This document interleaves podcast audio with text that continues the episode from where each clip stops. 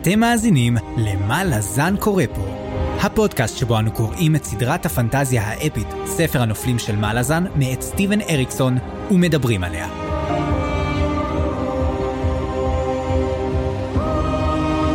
אני צפריר, ואני חיים. והיום פרק מספר 33, שבו אנחנו הולכים לדבר על פרקים 21 עד 24, ונמשיך את החלק הרביעי, בית השלשלאות, בספר בית השלשלאות, הספר הרביעי בסדרה. ברוכים הבאים, מאזינות ומאזינים. אה, נתחיל עם כמה דיסקליימרים. עבר הרבה זמן מאז הפעם האחרונה שהקלטנו. אה, חגים, חגים קרו, ועוד דברים נחמדים. עכשיו אני יושב לי בחנות ספרים יד שנייה בקומה העליונה ומקליט, כי הבת שלי אה, לא מאשרת לי להקליט בבית, ועברו עלינו הרבה הרבה דברים בשביל שנוכל להקליט הערב, אבל חשוב לנו לומר שאנחנו מאוד אה, חוששים, כי עבר הרבה זמן מאז שקראנו, האזנו לפרקים, וגם קרה הרבה מאוד, אנחנו נאלץ קצת ללכת בצורה כרונולוגית, מה שאנחנו משתדלים לא לעשות בפרקים האחרונים, ואנחנו אולי אפילו יקרה איזשהו נס והפרק לא יהיה ארוך מדי, אבל יש סיכוי טוב שהוא יהיה. אז אנחנו מתעצלים מראש. אני חושב שהולך להיות נס הפוך. פרק שהיה אמור להספיק לשעתיים נמשך שבוע שלם. הופה. כן, אז נראה, נראה איך זה יהיה, נראה מה יהיה, ומקווה שנעבור את זה בשלום, ושהחגים יעברו עלינו ונוכל לחזור לסדר נורמלי ולפרקים נורמליים. וזהו. אז זהו לעת עתה. אוקיי, לא, זה היה מהיר מדי? בסדר. אז בוא נתחיל. אבל לפני שנתחיל, אולי נעשה איזשהו תקציר קטן, מה אתה אומר, צפריר? תקציר, אה, תשמע, כמה זמן עבר? המון זמן, אני כבר לא זוכר כלום, אז רוץ על זה. בפרקים הקודמים של מה לזן קורה פה. איפה עצרנו עם המלחמה הגדולה בשבע הערים? אה, כן, תבורה ושאיק מתחממות, מתמתחות ופוחרות את אצבעותיהן בהכנה לשואודאון הגדול. אך את הפירסט בלאד לוקח דווקא לאומן בתקיפת עוקץ אסטרטגיות שמתאימות יותר לצרעות מאשר לזאבי מדבר, והראה לנו כמה קר הברזל שלו.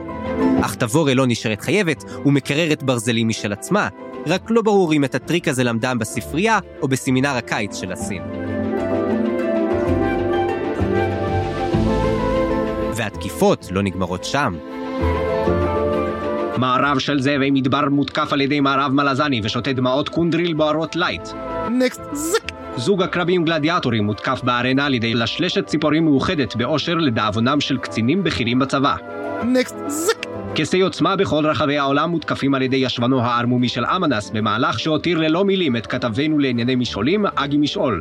נקסט זק. הסבלנות שלנו מותקפת על ידי הקו העלילתי של אונדרק וטרל סנגר, שהדבר הכי מעניין שעשו היה למעוד במדרגות.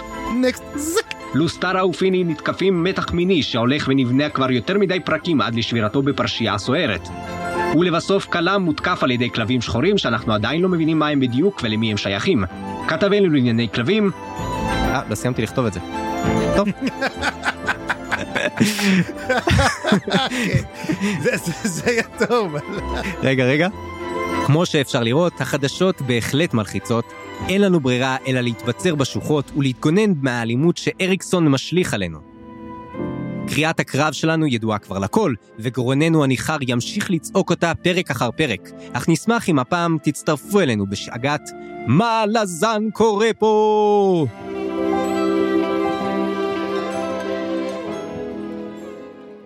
אוי זה נהדר האמת אגי משעול יציאה במקום במקום איך לא חשבת איך, איך אתה אומר את זה איך אני לא חשבתי על זה אבל היה לי איזה, היה לי פאנץ' שם, אבל לא כתבתי אותו, כתבנו לענייני כלבים. אה, אוקיי טוב אז אנחנו וואו איזה קודם כל כמה פרקים היו לנו היו לנו המון המון פרקים אמ, והמון קרה בפרקים אלו למרות שהם לא היו כל כך ארוכים. חלק יותר מאחרים.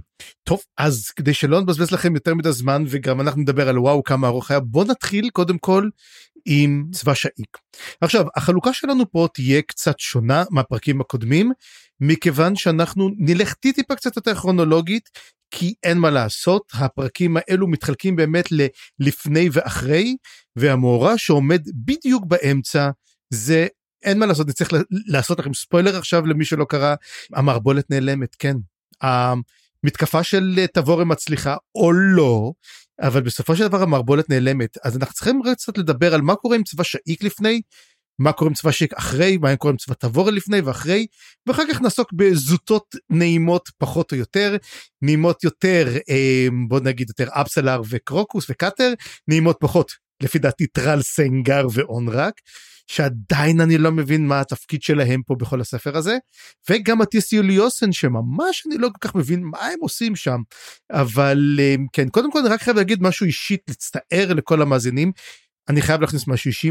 אני חושב איכשהו ותתקן אותי חיים שהספר הזה קצת ארוך מדי טיפ טיפה כי אני מרגיש שהפרקים האחרונים מין אוקיי נותנים מידע נותנים הכל אבל אשכרה זאת הייתה לפי דעתי הנקודה שהיה צריכים לסיים כבר את הספר. הספר מתארך טיפ טיפה מעבר למה שממש כיף לקרוא או נעים לקרוא וכרגע הוא קצת כבד. אני מסכים איתך אבל אני פשוט לא יודע אם יש פתרון יותר טוב מזה כי לחלק אותו עכשיו פה באמצע זה אומר שהסיפור של הסיפור פה לא נגמר. עוד עוד עוד נראה איפה הוא ילך להיגמר אבל ברור שהוא לא יכול להיגמר לפני הקרב הגדול לא לא, ברור שכן, אבל אני חושב שאפשר היה לערוך אותו, אני אתן דוגמה. ואנחנו נתחיל מפבר, מפבריל, אוקיי? כי פבריל הוא דמות שלא כל כך דיברו עליה, זאת אומרת, פבריל, מה אנחנו יודעים עליו? בספר השני, פעם ראשונה שהוא מופיע, הוא מגיע ו- ומשתטח על הרצפה כשפליסין מגיעה. לאחר מכן בתור שיק אנחנו לא מקבלים עליו שום מידע כמעט אנחנו יודעים שהוא חלק מאותה קנוניה של קורבולודום שמשתף איתם פעולה אבל פבריל די שקט, הוא די נחשב לפחדן, אנחנו יודעים הרבה על אוריק, המון על בידיטל, פבריל נשאר מין תעלומה.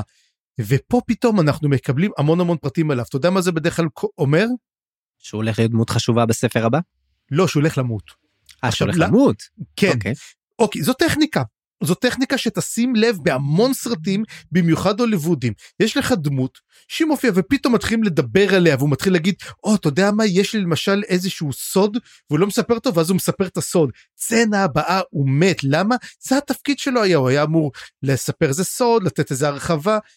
ופבריל, אנחנו פתאום מקבלים עליו את כל ההיסטוריה שלו, מההתחלה. אז קודם כל קצת נדבר על פבריל. פבריל בעצם נראה כמו זקן חטיאר, הוא ממש לא, הוא בחור צעיר, הוא בשנות ה-20-30 לחייו, הוא היה הקוסם הראשי של אוגרת, אחת מהשבע הערים הקדושות, שהיא בדיוק לפני הכיבוש המלזני, היא הגיעה למין רנסאנס אדיר, בנו שם 11 ספריות, הם התחילו להגיע לרמות הם, גדולות מאוד, אבל כשהמלאזנים הגיעו ופרצו, אז הפלחד של אוגרת החליט לשרוף את כל הידע הזה. לא רק שהוא שרף אותם, הוא גם שרף, גם הוא הרג את כל המלומדים. ולא רק שזה, כל אלו, כמו נגיד, איך אמרו, כל אלו שלא שרפו על הספרים והם נשרפו בעצמם. ואז פבריל פתאום אנחנו מגלים שהוא גם רצח את המשפחה שלו. הם, הם דיברו עליו למה עשית את כל זה והוא רצח אותם משתגע ובן לילה כמו שבלילה אחד מן שיער נהיה לבן הוא נהיה זקן בן לילה והוא פשוט עזב את העיר אפילו לא חיפשו אותו המלזנים כביכול רצו לדעת מי זה אותו הם, פבריל זה כמובן לא השם שלו אני לא זוכר את השם האמיתי שלו אני לא יודע גם כמה הוא חשוב הוא לא הוזכר אבל הוא היה בעצם ה... הקוסם הראשי של אותו פלחד והוא יצא מהעיר ולמעשה פרש לגלות. ופה למעשה אה, פבריל קצת מקבל תוספת אנחנו מקבלים את ההיסטוריה שלו מה שאני כבר אומר בראש נידון למוות check one. ואז אנחנו מגיעים בעצם לכמה פגישות שיש לו. פגישה ראשונה הוא נפגש עם קמיסט רלו ופגישה שנייה הוא נפגש עם בידיטל. אה, אלו שתי פגישות מאוד מאוד חשובות. אנחנו נדבר קודם כל על הפגישה עם קמיסט רלו. קודם כל פבריל מציג את עצמו כביכול, הוא כביכול כמו ה mastermind של ה... של בעצם פה הוא די מזלזל בקורולודום, הוא די מזלזל בקמיסטרלו, דבר שני הוא די מזלזלים בכולם. ומה שכן הוא עושה הוא מסביר שלמעשה מה שאני, תשמע מדברים פה על המון על היסטוריה וזה אם אתה רוצה להרחיב על זה זה לא כל כך היה דבר מעניין אבל כן היה מעניין שני דברים דבר ראשון איפה מאליק רל? מתברר שמאליק רל נמצא בדרכו לארן להסגיר את עצמו. זוכרת אותה תוכנית ישנה שהם דיברו שלמעשה מאליק רל רוצה להתקרב לקיסרית, להביא את קורבול אדום, קורבול אדום מחסל את שאיק ולמעשה מתברר כהאיש הגדול. היא מתחילה ומאליק רל בדרכו לארן להיכנע, אני לא זוכר מי נמצא שם בכלל. יש שם איזה מישהו אולי שומר העיר, אני חושב שכולם, כל אשר רצו עם תבורה. ודבר שני, מי היא למעשה דריז'נה. ואז הם מדברים על דריז'נה והם מתחילים לדבר כמובן אתה יודע זה, זה הקטע הזה שכמו מסלקות מידע הם מתחילים לדבר על ררקו אתה חושב שררקו בוא נגיד לך כמה עתיקה היא ררקו. ואני חושב שזה דבר שחוזר על עצמו להרבה מהדברים כמה עתיקה היא בעצם ררקו. ואנחנו נדבר על זה המון. אמ, ואז הם מדברים מי בכלל דריז'נה דריז'נה היא רוח ואומרים אתם יודעים איזה רוח היא באמת ומה איזה שם זה דריז'נה ודריז'נה זה שם של תלן עם מס. מה שמעניין שבמעשה דריז'נה מי שחשבנו שהייתה סתם איזה רוח קיימת לא זה בעצם תלן עם מס ונראה שאנחנו סובלים מהתלן עם מס עד עכשיו 300 אלף שנה כל העולם הזה סובל מאותו טקס נוראי שהם עשו. עכשיו השאלה אני לא זוכר אם מוזכר או לא היא תלן נימאס שעברה את הטקס של התלן היא הפכה להיות תלן נימאס ואז או שהייתה חלק מהאימאס היא הייתה מפוצלת והיא ניסתה לעשות משהו עם זה. אני נוטה לכיוון הש... לאופציה השנייה כי אני חושב שיש לנו בעצם כבר רמז לזה כי אנחנו עוסקים כבר הרבה זמן בפנים שבסלע ואותם מימאסים שהפכו להיות אלים כביכול של עמים אחרים יש סבירות גבוהה שהם לא היחידים. ועוד משהו, זה מאוד מאוד מתחבר לי לפורקולה סייל, ש, שאנחנו עדיין לא יודעים עליהם כלום, אבל אנחנו יודעים שזה קשור מאוד לפנים שבסלע. הסיבה שבה, שבגינה בעצם הם התפצלו, ואני חושד שזה קשור לעוד תיאוריה מופרכת שיש לי בהמשך פה. או, או, לא, לא, לא, כשאומרים תיאוריה מופרכת חייבים לספר אותה, אתה יודע, זה החוקים של, זה החוק של הפורמט. לא, לא, אבל יש setup שאני חייב לעשות בשבילה, כי זה אה, ממש מוזר. טוב, אוקיי, כן, קיבלתי. אז בעיקרון של דבר הם בעצם הם מדברים פה ואנחנו מבינים שהמטרה של, הם, פב, של פבריל למעשה להעיף את המלזנים מתוך שבע ערים ולתת להם להתקדם. מראה שבעיקרון שבע ערים ידעו להסתדר יפה מאוד בפני עצמם. הם, וזה אתה יודע זה קצת משתנה לעומת מה שקרה בגנבקיס. גנבקיס הייתה יבשת חסרת חוק לחלוטין שמלאזן שיפרו אותה פה נראה שבדיוק ההפך קרה ודווקא זה די מצחיק כי בשבע ערים שחשבנו שזה הייתה אתה יודע מין נוודי מדבר ואתה יודע בסגנון אתה יודע ברברים הם דווקא היו מאוד מאוד מתקדמים בכלל שבע ערים זה ערש התרבות האנושית והאימאסית. כן וזה מאוד מזכיר את ה... אתה יודע האירופוצנטריות מול uh, גישה קצת יותר uh, מודרנית שאנחנו מסתכלים על העולם בצורה יותר פתוחה. קשה להגיד מה היה זאת אומרת זה גם לא נכון לומר שנגיד אירופה תמיד הייתה המקום הכי מתקדם יש לנו תקופות שבהן באירופה היה דיר חזירים אחד גדול והעולם הערבי למשל היה הרבה הרבה יותר מתקדם אז אה, קשה לומר דברים כאלה אבל יכול להיות שגם במלאזן יש מין הטיות היסטוריו, היסטוריות כאלה. כן אתה יודע זה מזכיר לי ספר שכתב הרי טרטלדב לא יודע אם שמעת על הסופר הזה הוא סופר של um, פנטזיה um, של היסטוריה אלטרנטיבית. הוא מספר כל הזמן כאילו מה היה קורה אילו מה היה קורה אילו כאילו what if של כל מיני מאורעות היסטוריים. והוא כתב ספר שמה קורה אם למשל הדבר היה מכסה לא רק שליש היה מכסה שני שליש מאוכלוסיית אירופה ולמעשה המרכז הקיים זה המרכז הערבי המוסלמי. ולמעשה אתה יודע המרכז המוסלמי הוא מאוד uh, אתה יודע מתקדם והמרכז האירופאי זה פח האשפה של ההיסטוריה אתה יודע, ואז באים אנשים ויש להם מפגעי מתאבדים נוצריים, ממש נתן איזשהו סיבוב, אמ, אחלה ספר מאוד מזכיר את זה, וגם כן צריך לזכור גם כן את תור הזהב, בכלל באנדלוסיה, כל הסיפור של המוסלמים בספרד. בל נשכח גם כן אחת התקופות המעניינות יותר של ההיסטוריה. אז זהו בעיקרון עם פבריל אנחנו נדון יותר מאוחר עם הפגישה שלו של בידיטל אבל בוא נדבר קצת על החלק הגדול ביותר של הפרק הזה גם פרק 21 וזה לאוריק. ולאוריק יש לו קטע נורא נורא מוזר. רגע אני, אני רק רוצה להגיד נקודת פצפונת על, על, על פבריל כן. שזה בעצם אנחנו סוף סוף מקבלים סוג של את המניעים שלו. להצטרפות למהפכה ומה הוא בעצם מה החזון שלו מה הוא רוצה להשיג הוא רוצה בעצם לאחד את כל uh, שבע הערים מחדש ללא המלזנים, וזה למה הוא רוצה בעצם להעיף אותם, אבל דרישנה עצמה לא מעניינת אותו. היא סוג של כלי, כלי להביא, להביא את, ה, את החזון, את האוטופיה שלו, אבל אה, כנראה שהיא בכלל לא מעניינת אותו, בהמשך אנחנו נראה שזה מביא אותו לשאלות נאמנות רציניות. צריך לזכור גם כן שנראה שאף אחד לא מעניין אותו דרישנה, לכל אחד יש לו למעשה משהו אחר, כי הוא יודע למעשה ש... הוא יעיף את קורבולו דום, הוא גם קורא לו הנפני, הוא בכלל לא קורא לו בשם שלו, הוא מאוד מאוד לא מזלזל בו, גם בידיטה, לא, אף אחד לא סובל שם מאף אחד, כולם רק יודעים שהמטרה להעיף את המלזנים, בעיקרון קורבולו דום רוצה את זה בשביל אה, לחזור לחיק הקיסרות. בעוד שבידיטל רוצה להקים לעצמו כת, אנחנו גם נראה את זה, אמ, שהוא אכן מקבל את מה שהוא רוצה, אמ, פבריל רוצה להעיף את המלזנים, ודרישנה רוצה פשוט להשתלט על יותר ממה שיש לה, היא רוצה לנעוץ, זאת אומרת, כולם משתמשים ובמרכז כל זה שאיק, שלא ידוע בדיוק מה היא רוצה, מה פליסין רוצה מכל הסיפור הזה. נקמה בתבורה? כמה פליסין יש פה בכלל? כמה באמת נשאר מפליסין זאת באמת השאלה הגדולה. ובוא נדבר באמת על מישהו שהמניעים שלו הם הכי מוזרים באמת לאוריק. לאוריק אין לנו מושג למה הוא בכלל נמצא שם.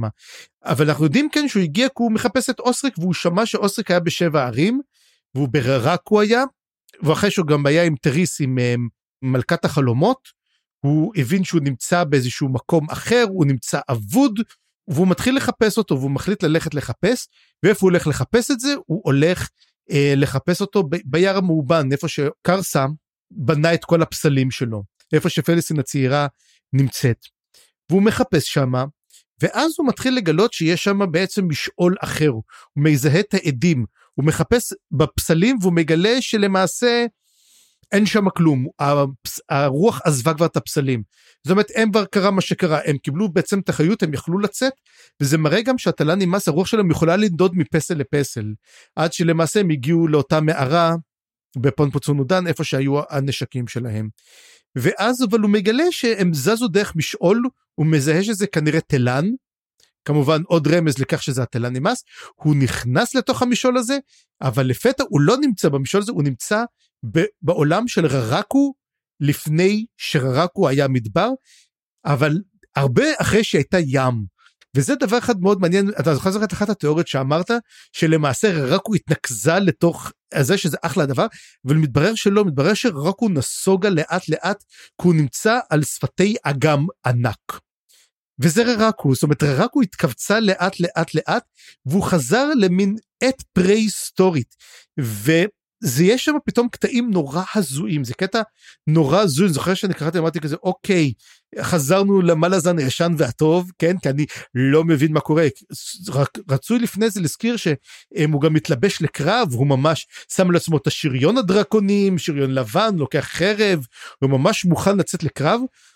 ואז הוא רואה נוף מוזר הוא רואה um, שיש שם קצ'ן צ'מאלה והוא רואה שם כלבי אופל, כלבים ענקיים שהם נלחמים נגד הקצ'ן צ'מאלה, ושהם הם נלח... רצים שלושה אליהם ואז הכלבים באים וחותכים אותם לגזרים ואחד מהם בורח והם רואים את המצודות שמיים וזה למעשה מדובר ואז אומרים מה, מה קורה פה? זה אומר ואז בעצם מגיע דרקון ענק תופס אותו ומעיף אותו משם דרקון. ואחרי שהדרקון מנחית אותו מי מתברר שזה? אוסריק אוסריק לא ברח למקום אחר, הוא ברח לזמן אחר. שזה פסיכי לחלוטין, הוא ברח לתוך זיכרון, לא של בן אדם, הוא ברח לתוך זיכרון של מקום. מתברר שהמקום שררקו זה מקום קדוש, כאילו אחד ממקומות הקדושים של הבריאה, אם נגיד לזה, ולא סתם מררקו יצאו כל האימפריות. מתברר שהיה עוד גזע לפני התלן אימס, כי הם מדברים מה, זה בעצם היה מקודש לתלה נמאס? לא, זה היה מקודש עוד לגזע אחר שקראו להם ארס. הארס הם למעשה מין, כמו מין, כמו אדם קדמון, נכון? בוא נדבר, זה כמו אדם קדמון, אבל עם גם כן עם כוחות מאוד קמאיים, שהכלבים האלו אימצו אותם והפכו אותם לחיות המחמד שלהם. הם אומרים, אתם חושבים שזה כאילו הפוך, שבני אדם אימצו את הכלבים? לא. בעיקרון זה היה הפוך, הכלבים אימצו את בני האדם. ועכשיו אוסטריק נותן לנו בעצם מסלקת מידע שקשה מאוד מאוד לעמוד בה. הם מדברים בעצם, אוסריק ולאוריק מדברים, מתברר שהם לא סובלים אחד את השני, אני לא מבין לכן למה הוא חיפש אותו. כאילו הוא אומר, אומר זה כמו עם אמא שלך, היא לא יכולה לסבול אותי יותר משלושה ימים, מה איתך? הוא אומר, אומר שלוש שעות, זה כל מה שאני יכול לסבול אותך, אז בוא נדבר. אני לא מבין גם למה הוא חיפש אותו, הוא, הוא לא כל כך השיג ממנו תשובות. הוא חיפש אותו כי הוא רצה להחזיר אותו כמגן לתפקיד שלו להגן על קורל טירלן שכרגע אה. הוא תחת התקפה. נכון הוא מוצא לו מישהו אחר דרך אגב עוד איזה מין. אבל אני אומר מין מין עוד איזה דארק הורס קטן כי אני מאוד אוהב את הבחור הזה אנחנו מיד נדבר על מי. והוא מתחיל לדבר איתו קודם כל אנחנו מקבלים עוד דבר אחד שקוראים להם דיירגוס. לאותם um, כלבים אפלים ושהם והוא אומר שהם לא מהעולם הזה מה שדי גורם לי לחשוב שהם כלבי האופל הוא שואל האם הם כלבים של אם האופל אז הוא אומר. אנחנו, אני לא בטוח אל תתפוס אותי במילה כמו שהוא אומר זה קצת כן וקצת לא אבל מה שכן דסמבלקיס יצר איתם ברית. זאת אומרת דסמבלקיס לא היה אותם שבעת חיות הם גם נתנו את השם לשבע הערים דסמבלקיס ככל הנראה ניסה לחקות אותם. או שדסמבלקיס לא היה D'ivers לא בדיוק ידוע כי וגם שאלה איפה דה ארגוס הגיעו. או שדסמבלקיס הוא שבעה כלבים אחרים. כן זאת זאת אופציה אחרת שהוא ניסה לחקות אותם. זה לא כן, סגור ה- עדיין אנחנו לא סגורים עדיין. ואני חושב שזה די ברור שהם לא כלבי האפלה, פשוט השם שלהם, זאת אומרת, קוראים להם ככה, והוא הזכיר שם עוד שם, כי לאוריק אמר שזה דרטין גרגוס, משהו כזה. כן זה קיצור אה, של דרגוס לדרדין גרגוס בגלל זה קיצור כן. שלהם הוא דרגוס. אבל הוא אומר שזה קשור, כאילו, אטימולוגית לאפלה, אבל זה לא באמת שהם באו מהאפלה. כן האמא לא יצרה הוא אותם. די, הוא די מפריך את זה. לא יצרה אותם. כן. אז עכשיו השאלה פה האם מדוב... אז עכשיו יש פה יש פה את התיאוריה המוזרה. האם מדובר על מישהו מהאפלה שהוא בעצם D'ivers? כלומר כמו למשל שאנחנו רואים שאכן אנומנדר רייק מסוגל להיות Soletaken או סלט, Soletaken כמו שאומרים בד, בד, בהקראה החדשה או אז זה גם כן מסוגלים להיות uh, טיסטי אנדי שהם דיברס לא? כן, יכול להיות, אבל שוב, האם המקור שלהם באפלה? כנראה שלא. אז, אז אה, אולי זה אז לא. מה המקור שלהם? אנדי. מאיפה הם הגיעו? אולי משהו שקשור לפני הגזעים אז האלה. השאלה עצמה גם לפני כן. הטיסטים. יכול להיות אז אבל אמרו שהוא זר לעולם זרים לעולם יש שניים שאנחנו יודעים עליהם שזה הטיסטאים לסוגיהם וגם מתברר כצ'אנצ'מאלה גם כן וגם האל הנכה. האלה נכה כן כולם הם זרים לעולם אה, אבל כגזעים. אוקיי ואנחנו כן, רואים את המלחמות של ויש- הגזעים האלו זאת אומרת ההרס הוא כן בעולם פורקרול הסייל לא אומרים הוא מוזר או לא אני חושב שהוא לא זר. כן, אה, לא יודעים עליהם הרבה. אז מאיפה גם הגיעו שבעת כלבי הצללים זאת השאלה האם הם כמוהם האם הם נוצרו גם כן האם אותם שבעת כלבים הם גם כן D'ivers כלשהם או שלא. שאלה מצוינת, ואני אוסיף עוד כמה שאלות ברשותך לסיפור הזה, כי באמת היה פה המון infodump פסיכי. מי אימא של לאוריק? אני מת כבר לדעת, כאילו, כבר היה פה setup גם כזה שהם לא סובלים גם אחד את השני, ל- אני כבר רוצה לדעת מי זה, אני אתן את. ההימור שלי מלכת החלומות. זאת אופציה. כי הרי הוא בא אליה כזה, היא היא היחידה שענתה לו והוא בא אליה אז אולי את יודעת איפה האבא. כן, אבל הוא לא שאל אותה איפה האבא. אמא איפה האבא? נכון אז זה ההימור שלי. זה הימור מצוין, רק שבאמת, אם, אם זה ככה, זה, זה כזה, זה קצת מלוכלך מצד אריקסון, כי הרי רוב הסיכויים שהוא כן היה שואל אותה איפה אבא. אז אם הוא לא באמת שאל אותה איפה אבא, טוב, צריך להסתכל שם על הדיאלוג, אבל לדעתי, אם כן, אז זה ממש מלוכלך מצידו, אבל אה, לא נראה לי, אני... זאת האופציה הכי טובה, כנראה, לא יודע. אני חושב שהם יצ... שהם היו ביחד אחרי שהם כלאו בעצם כלאו את האל הנכה ליידי אנבי, גם אופציה. תראה, צריכים לחשוב על מי שהיה בכבילה של האל הנכה, כי זאת הפעם היחידה, כי אוסריק בדרך כלל לא מסובב אנשים, הוא מסובב רק עם הנומן דה רייק, מחפשים, אתה יודע, כל מיני סקאי קיפס ודברים כאלו. אה, אה, אה, אם כבר מדברים על זה, שמת לב שהוא מדבר על זה שיש להם קשר דם? לא ולאנומן דה ריק? מי אמ- הוא אמר את זה? כן, כן, היה שם, זה היה חלק מהדיבור, ואני רשמתי את זה, אני פשוט, גם, לא היה, זה לא ברור מה הקשר ביניהם, אבל יש ביניהם קשר דם, וכן, היה שם כל הסיפור שהם בעצם הולכים למצודות של ה... מוצאים את נצר הירח, כאילו סיפור מציאת נצר הירח נמצא פה, שזה חתיכת סיפור. כן, נצר הירח הוא למעשה מצודד אה, קצ'ן שמאלית. הקצ'ן שמאלי שנכנסו לעולם, זה כן, ידענו. יצאנו את זה, מתברר שהסקאי, שנצר הירח כבר היה פגוע לפני זה, זה לא? שהוא הסתבך במלחמות העתיקות, כנראה נגד אותם דרגוסים, או כנגד, אתה יודע, מלחמת האזרחים, והוא קפא בקרחון. במשך אלף שנה הם פשוט הם נדדו צפונה וכשנמסו הכרכים כנראה נגד הג'גהותים אולי נלחמו כנראה נגד הג'גהותים ואז הם מצאו אותו פשוט מפשיר והם איך זה הנומן דרייק למד איך להטיס אותו ופשוט השתלט עליו. ואוסריק אמר שהוא ידע שהוא הצליח לקרוא הרבה יותר טוב את המידע שהיה טמון שם, אה, יותר מאשר אנומנדר ריק, שזה היה גם חלק מעניין. מה אוסריק גילה שהוא לא, שהוא לא סיפר לאנומנדר, ואולי זאת הסיבה שהוא נמצא שם? אנחנו, לא ברור לנו למה אוסריק לא מוכן לחזור מהמקום הזה, וגם נראה שהזיכרון הזה הולך ונמוג, שהוא הולך ומצטמצם או משהו כזה, או שהוא הולך למות או משהו כזה. אוסריק לא יוצא משם, מה, מה קורה? למה? אה, כל מיני שאלות הזויות. אגב, אני חושב שכל הסיפור הזה של הזיכרון שדועך, הוא קשור אה, לקימלוק, והוא קשור לטאנו. ואני חושב שהטאנו, כל התפקיד של השבט הזה והשבט שלהם, הוא לשמור את הזיכרון של אה, ררקו. אנחנו צריכים לזכור שזיכרון מאוד מאוד חוזר, אנחנו נראה באמת את הזיכרון של ררקו מתעורר לקראת סוף הפרקים האלו. וגם כן, בעצם, למה בעצם עושה, אה, קימלוק עשה את זה? הרי פידלר מדבר על זה שהוא כועס עליו מאוד. על אה, קימלוק שהוא לק... גנב לו את השיר. אבל מה אם למעשה הזיכרון של ררקו חשוב יותר? ראינו גם את טאנו המקורי שמדבר והוא רואה כל פעם והוא אומר אני חייב לשמור על השיר.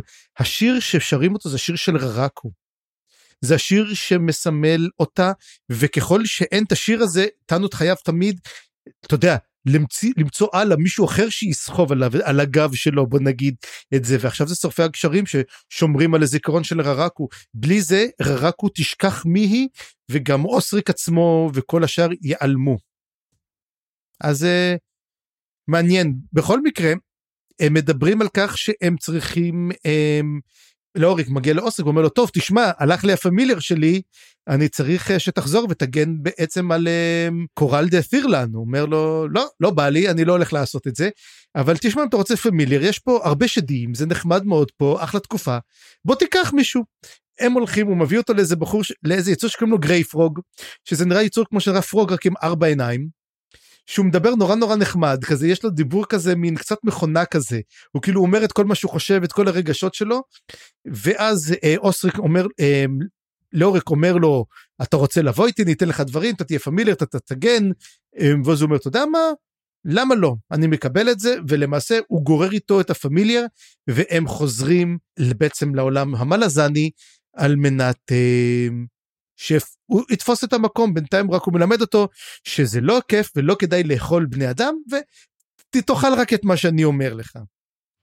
כן לא זה מערכת יחסים מאוד מעניינת נבנית שם אנחנו נראה אותו גם uh, אחר כך יוצר uh, מערכת יחסים עם פליסין גם והצעירה וזה בכלל אני גם אהבתי מאוד את הדמות הזאת רק uh, נקודה קטנה שהוא מצא אותו בקצה של הזיכרון הזה ושם היו את השדים כן. דווקא. כן.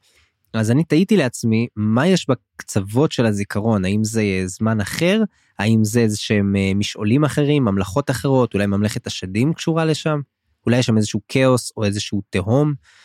אה, כנראה כנראה אני חושב שכנראה השדים מגיעים גם מהכאוס והזיכרון כל כך פרום שאפשר לעבור דרכו נורא בקלות. תחשוב לדוגמה על על על על המישור תלן. המישור תלן הוא זיכרון גם כן כמעט ולא משתמשים בו למשהו אחר הוא, הוא הופך להיות גם כן בסוף הספר השלישי הזיכרון של התלן אימאס. למעשה הם מחיים אותו וגם לזכור שהמשעול הקיסרי הוא הזיכרון של החורבן של ג'קורוקו. אז מה משעול אם לא זיכרון למעשה? וכנראה אותו משעול גם כן אה, שפרום בקצוות הוא גם כן משעול כלשהו. כן אז יאללה בוא נעבור לחלק הבא. אוקיי.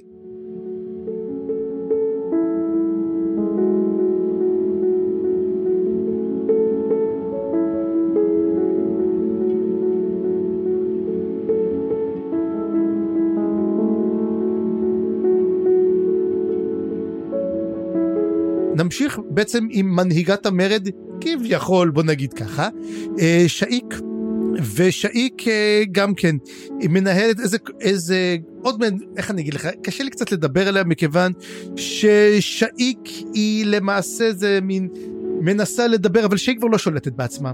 גם כל החלקים שכתובים עליה זה רק לעשות uh, מועצות קרב שאנחנו נלמד על דברים אחרים. אז היא מדברת עם בידיטל על המשעולים שזה יותר עבורנו. אם הם מדברים יותר אתה יודע מה עם לבוריק מה עם לאוריק um, כל מיני דברים כאלו. אתה יודע המצב uh, כזה מין אין לי כל כך הרבה מה להוסיף כל כך על שאיק אם יש לך משהו אז תגיד לי. כן, אני רק, רק אגיד על ה, באמת על השיחה פה על המשעולים, כי אנחנו הרבה כבר זמן שוברים את הראש על המשעולים האלה, ופה היה כזה גם עוד נתח חסיסי שקצת מסדר את העניינים. היה גם על זה דיונים בקבוצות, אה, בקבוצת פייסבוק. אז מי שעקב ומי ששאל, אז יש פה קצת אה, אור על המשעולים, שאור זה מילה בעייתית, אבל... pun intended. Pun intended, ויש פה בעצם על ההבדל בין מיינס ורשן. והרי מדברים על, על, על בידיטל, כן? והוא אומר, הצללים זה לא שלו, הוא לא כהן מיינס. הוא כהן של רשן, ורשן זה ghost child של קורלד גליין. ושניהם תפסו את משעול הצללים. זאת אומרת, מש... אה, אה, מה זה ghost child? אין לי מושג. אבל רשן הוא בעצם הילד של, של קורלד גליין, הוא הצאצא, בוא נגיד המשעולי של קורלד גליין, ומיינס זה משהו אחר, שניהם בעצם יצרו את uh, מיינס כנראה, הוא נולד משניהם, או נוצר מהמערכת יחסים או הזיקה ביניהם, משהו כזה, שזה מאוד מוזר, וזה קשור ל, ל, להתנגשות של תיר ורשן. רגע, מה כתבתי פה? תיר ורשן, גליין ותירלן. לא, למעשה זה כן, כי צריך לזכור שמיינס, אתה זוכר שכבר אמרו עליו, שהוא למעשה צל של משעול, הוא למעשה אשליה. מיינס הוא גם משעול האשליות. זה מין, איך להגיד לך את זה? אני הייתי יותר אומר שמיינס הוא מין, הוא מין, מין, אתה יודע, תוצר לוואי של רשן. רשן הוא, למעשה, רשן הוא אמור להיות אה, משעול האפלה. הרי ככה מתייחסים אליו כמשעול האפלה. כן, הוא המשעול האפלה, הגרסה האנושית, נגיד. הגרסה הנגיש... המצונזרת, החתוכה וה-much abridged, כמו שנאמר. כן. הם, כמו שפיר, הוא גם הגרסה המצונזרת מאוד של uh, קורל צירלן. כן, זה, נכון. זה מה שמסוגלים להגיע אליו, ובעצם הקיום של שניהם יצר מעין יכולת של אשליה, כי יש לך את האפלה, יש לך את האור, נוצר צללים. וזה תמיד קיים, זאת אומרת, זה תוצר by um, product, תוצר לוואי של משהו, מיינס הוא תוצר לוואי של הקיום של תיר ושל רשן. כן, אז, אז בוא נגיד ככה, בוא נגיד ככה, שתיר ורשן, גליין ותירלן, הם שתי זוגות כאלה, ואני. חושב שאולי מיינס איכשהו נוצר מארבעתם ביחד. אני חושב שיותר נוצר רק מתיר ורשן, כי... כי, כי אני לא בטוח שמיינס הוא גם באמת משעול אמיתי. אני חושב שהוא מן האשליה הגדולה ביותר, הוא נראה כמו משעול, אבל אנחנו לא שמענו אף אחד שעובר דרך המשעול, הם רק יכולים להשתמש בו כאשליות. כי זאת, זאת אשליה של העולם כולו. אני חושב שאיפה ש... איפה שקוויקבן פגש את אמנס באותו, באותה פעם זה היה במיינס. אני חושב שזה היה רשן. לא, אני חושב שהם ממש דיברו על זה שזה מיינס. מאזינים יקרים, נא לתקן אותנו אם אנחנו טועים, בסדר. כי אנחנו לא יודעים מה לזן קורה פה. אוקיי, אז בעיקרו של דבר, ברגע שבידיטל יוצא החוצה, פבריל מגיע, זוכר שאמרתי שפגישה שנייה גם לכנראה פבריל ולבידיטל, ואז הוא לוקח אותו הצידה, וכתבתי פה שמעת, נותן לו הצעה סנדקית. עכשיו, כי זה נכון, זה מה שקורה כמו שאומר לו או כמו צ'רלי פותח אגרונות הוא בא אומר לו תשמע אתה לא רוצה ראש של איזה סוס טובלקאי יהיה לך במיטה. זה הצעה שאתה נותן לטובלקאי. אבל למה, הוא אומר לו תשמע אתה עלינו או לצרינו? האם אתה משתף איתנו פעולה או לא? אז הוא אומר לו תשמע אני רוצה עוד לקחת זמן לחשוב על זה כרגיל. ואז הוא אומר לו תשמע אין כל כך זמן. זאת אומרת הלילה אנחנו פועלים. אנחנו מאמינים שמחר כבר הולכת להיות המתקפה של המלאזנים היום אנחנו, אתה צריך להחליט, אנחנו היום מטפלים בכל הדברים. אז או שאתה משתף איתנו פעולה, או שאנחנו פשוט, אתה תמצא את הדרכך למוות. בוא נגיד במילים יפות, הוא אומר לו, ומה, אתה, ומה אני אקבל כביכול, הוא אומר לו, הוא אומר לו, אתה תקבל את הכת שאתה תמיד רצית. אתה רצית כת של שבע ערים לעשות מה שאתה רוצה בה, אתה תהיה מנהיג הכת, תעשה מה שאתה רוצה שם. אתה רוצה בחורות, ייתנו לך בחורות. אתה רוצה כל מה שאתה רוצה, ואף אחד לא מתערב. ובידיטל מחליט אה, לשתף איתם פעולה, אומר כן, אני לא יודע כמה זה אמיתי, אתה יודע, דוגן בוא נדבר ככה, אני לא יודע כמה באמת אומר וואלה זה טוב, קצת שם אותו, אתה יודע, עם הגב לקיר. בידיטל יכול לבגוד בהם, בקלות יכול לבגוד בהם. כן, אתה צודק, אבל מצד שני, אני חושב שקרה לבידיטל בדיוק מה שקרה לנו. לא ידענו בכלל מי זה פבריל, לא, לא ספרנו אותו בכלל, לא חשבנו עליו. מסתבר שהוא חתיכת, אה, חתיכת בן אדם חזק. אנחנו אני, אני לא מזלזל בבידיטל, אבל לדעתי בידיטל מצא אופוזישן חזק יותר ממה שהוא בכלל דמיין. כי הרי משני הצדדים הם מזלזלים בקורבול אדום וקמיסטרלו. הם לא באמת כן. מעניינים אותם, אבל יש פה חיבור מאוד מאוד חזק שלהם. ו, ובידיטל, אה, מתקפל, הוא מתקפל. אני, אני, חושב ש, אני חושב שאנחנו, אולי הוא עוד ימצא דרך לקבל את שלו, אבל בעצם זה מה שהוא רוצה, הוא רוצה את הקאט שלו בכל שבע הערים, הוא רוצה שיהיה לו גישה לכל הנשים הצעירות של שבע הערים, לעשות בהם כרצונו, וזה, וזה המצב, זה מה שהוא הולך לקבל. כן, אנחנו נראה באמת איך זה ישפיע, כי כמו שאנחנו אומרים, אנחנו עוצרים ואנחנו צריכים לעבור לבא בתור. אז בוא נעבור באמת לסילרה וקורבולודום, אם אנחנו כבר דיברנו עליהם, אז אנחנו מגיעים אליהם סילרה, אותה אה, מרגלת עבור בידיטל שנשלחת אה, לענג את קורבול אדום ולהקשיב לדברים. היא מקשיבה באמת לכל התחכומים ולכל ה... בעצם לכל, לכל המזימות שקורה, אבל אז בעצם מבין קורבול אדום ש... טוב תודה um, הוא יודע שהיא מרגלת והגיע הזמן להיפטר ממנה והוא אומר לשומרים שלו לכו חסלו אותה. ואז הוא לוקח בעצם הם, אומר לאחד השומרים אחד השומרים בא לוקח לה, לה, להרוג אותה היא כבר חצי מסוממת גם כן וברגע שהוא רואה אותו אומר לה מה את רוצה שהאחרון שלך אלי אדמות יהיה אותו נפני מתועב תראה איך בעצם מסתכלים בעצם על קורבול אדום גם השומרים שלו. ואז הוא בא והוא די אונס אותה. ותוך כדי שהוא אונס אותה היא פשוט באה והורגת אותו תוקעת לו סכין בגב הורגת אותו ואז מגיע שומר אחר, ואז הוא אומר, תראי מה עשית לו, נו ומה זה טוב, עכשיו אני צריך להרוג אותה, ולפני שמישהו מצליח להרוג אותה, מגיע פשוט יד עם תופרים ירוקה ופשוט חותכת לו את הצוואר, הורגת אותו, וזה כמובן בוריק שמציל אותה. הוא לוקח אותה אליו והוא מרפא אותה מחזיר אותה ולמעשה מצרף אותה אליו מה ש... פעם ראשונה שראינו אותו בוריק הורג ופשוט הופך להיות ממש מין בדס אתה יודע הופך להיות ממש הנמר וזה לא סתם שאומרים שאתה אה, יש לך כוח יש לו את הכוחות של נמר וזה היה מגניב לגמרי ופה זה משהו שאני רוצה לדבר עליו דבר אחד וזה קצת איך אה, רואים את הנשים בעולם המלאזני ואנחנו דיברנו גם לפני זה באחד הפרקים הקודמים שהנשים בעולם המלאזני יש להם תפקיד שווה ערך לגברים. נשים הם כמו גברים, הן מתגייסות, הן נלחמות, אין הבדל ביניהם. אנחנו גם נראה את זה דרך אגב בחיילים של, בחיילים הרגליים, שיש שם איזה, את הבחורה הענקית הזאת, שהיא גם כן, אמ, יכול להיות גם גבר באותו תפקיד, אבל זאת אישה. אבל רוב הנשים עדיין מתייחסים אליהן בתפקידים מאוד משפילים. וגם כן, רוב הנשים רואות את עצמן, ואין מחסור של נשים שנאנסות בספרים האלו, זאת אומרת, מעטות הן מערכות היחסים הטובות והנחמדות וכמעט כל מעשי הסקס סליחה שאנחנו ראינו עד עכשיו הם היו מעשי אונס. אני לא חושב או שנשלח מישהו למי שנשכב איתו להשיג מידע או שזה מישהו שאנס או שזה היה סינדרום, אמ, סינדרום סטוקהולם עם פליסין ובנט. היו גם מקרים הפוכים עכשיו שאני יכול לחשוב על זה. רק אם היה לנו אני חושב היחידי שעוד היה נורמלי זה היה אה, לוסטרה איל ופיני. לא סליחה היחידי... היו היו מערכות יחסים נורמליות. בוא היה גם סקס נורמלי. היה עם אה, איפה? וויסקי ג'ק בספר הקודם. כן. וויסקי ג'ק ומשמע. כן. היה את הקטע ההפוך עם קראפ והברגסטית. נכון אני אומר לך תשים לב שהמערכות יחסים ובכלל סקס בעולם זה נחשב למשהו אה, אתה יודע בעייתי גם כן. יש יש איזה יש איזה היה ציטוט.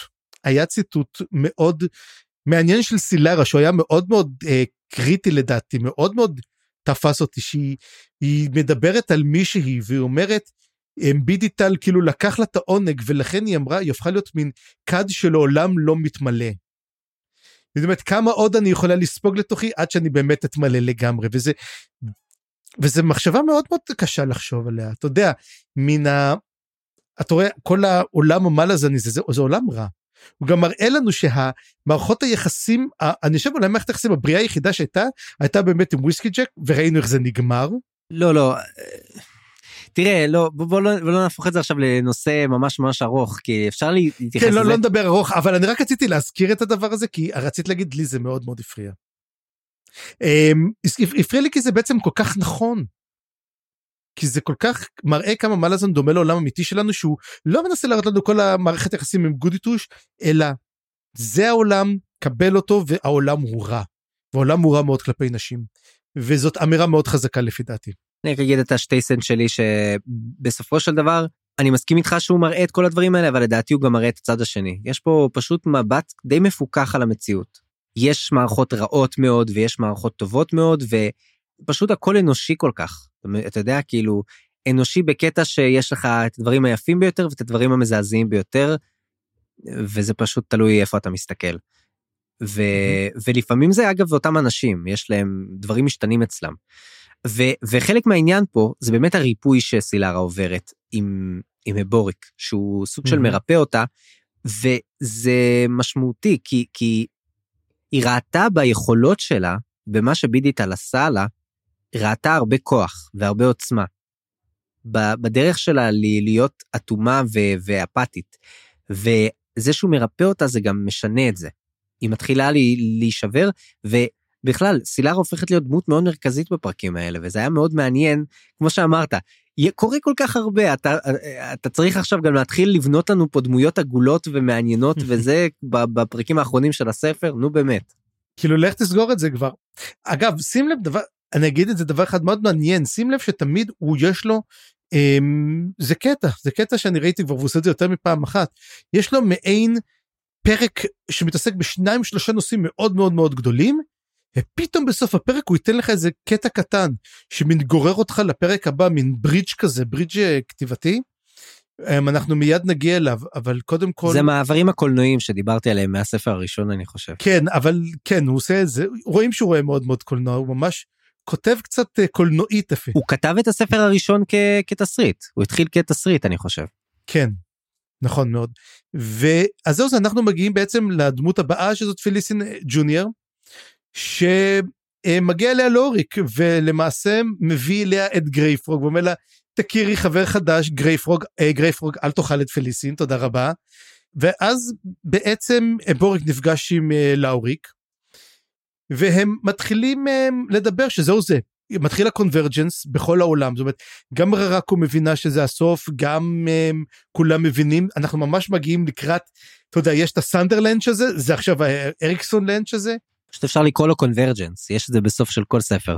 בדיוק יש קונברג'נס שכל האלים באים כל החבר באים מתאספים במקום אחד אם זה היה אה, קורל בספר השלישי פה עכשיו יש לנו את ררקו למרות שגם בספר השני זה היה ררקו הקונברג'נס ובארן היו שני קונברג'נס פה הולך להיות קונברג'נס ענק וזה כנראה בשני פרקים האחרונים שלנו גם הפרק הבא 25 הוא ענק הוא ארוך מאוד והוא כנראה יהיה הקרב הגדול.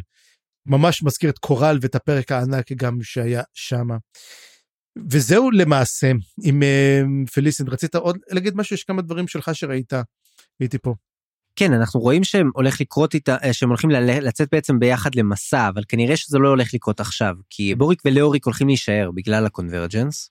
הולך להיות mm-hmm. פה חשוב שהם יישארו הם צריכים עוד לעשות פה איזה משהו אבל בעצם גם הבוריק מביע את הפליאה על זה שהולך להיות פה מסע של שלושתם עם פליסין הצעירה, וזה הולך להיות בעצם כמו תמונת מראה של מה, המסע שהם עשו עם פליסין הבוגרת בדרך לררקו. כן, ופה המסע עם פליסין הצעירה מחוץ לרקו, וזה מאוד מזכיר בעצם השאלה כמה בודן מזכיר את uh, לאוריק.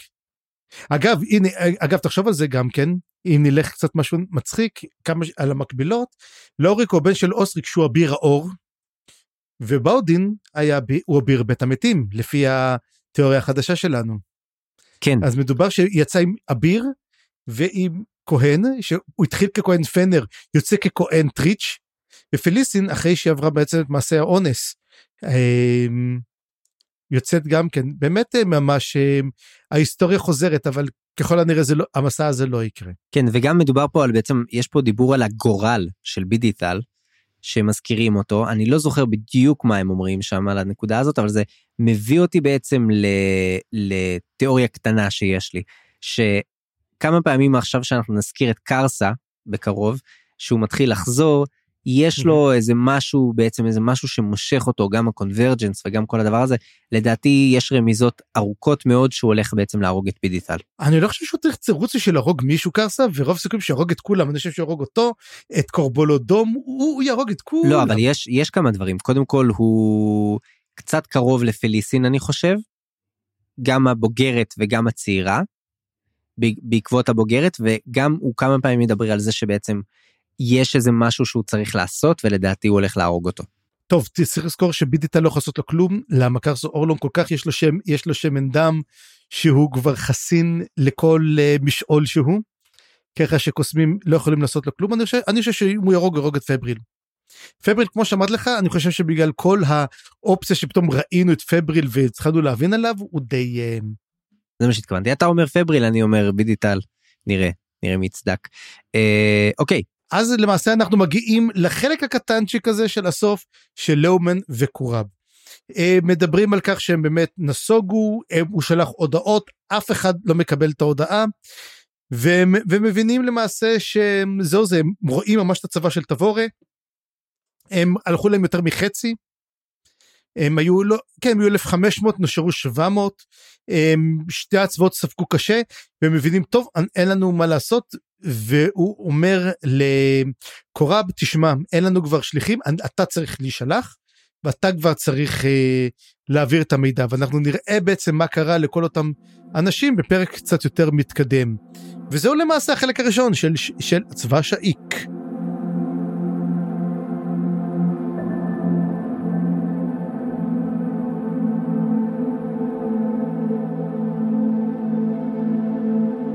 כן, אז בוא ניכנס בעצם לצבת תבורה, וכמו שאמרת כבר בהתחלה, אנחנו בעצם במתח, מה היא תעשה? היא צריכה לעבור את המערבולת איכשהו, לפתוח את הפתח כדי שכולם יוכלו לעבור שם. איך היא הולכת לעשות את זה?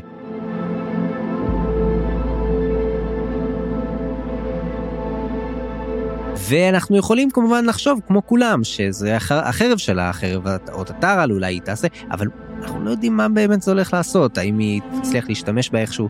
ויש כל מיני אזכורים של אוטטרל בפרקים האלה, אז אני גם אזכיר לרגע את האפיגרף של פרק 22, שהיה לי ממש מגניב, ויש שם Easter egg חמוד, אתה שמת לב לזה? אני ראיתי מה שקראת, אני לא ראיתי את זה לגמרי, לא חשבתי שזה אז זה. אז קוראים לזה טרי, טרירסנד ממוט, ככה קוראים למי שכתב את הקטע. אז אני אמרתי לעצמי, מה זה מוט? מוט זה המקום שיש את ה Mott Irregulars שהם הגיעו משם, נכון. ואנחנו יודעים שהם הרגו שם אה, כמה נקרומנסרים, נכון? קוסמים חזקים.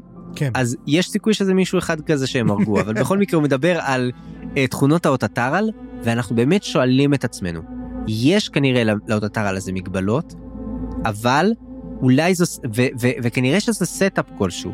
ואני אומר, אם זה setup האפיגרף הזה, אם הוא בעצם עושה setup לחולשה של אוטטרל, זה יכול להיות שתי דמויות שיש להן חולשה.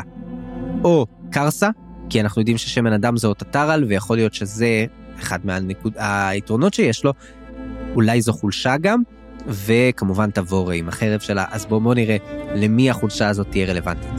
צריך לזכור גם כן שיש לנו עוד מישהו עם אוטטרל, שזה קלאם. נכון.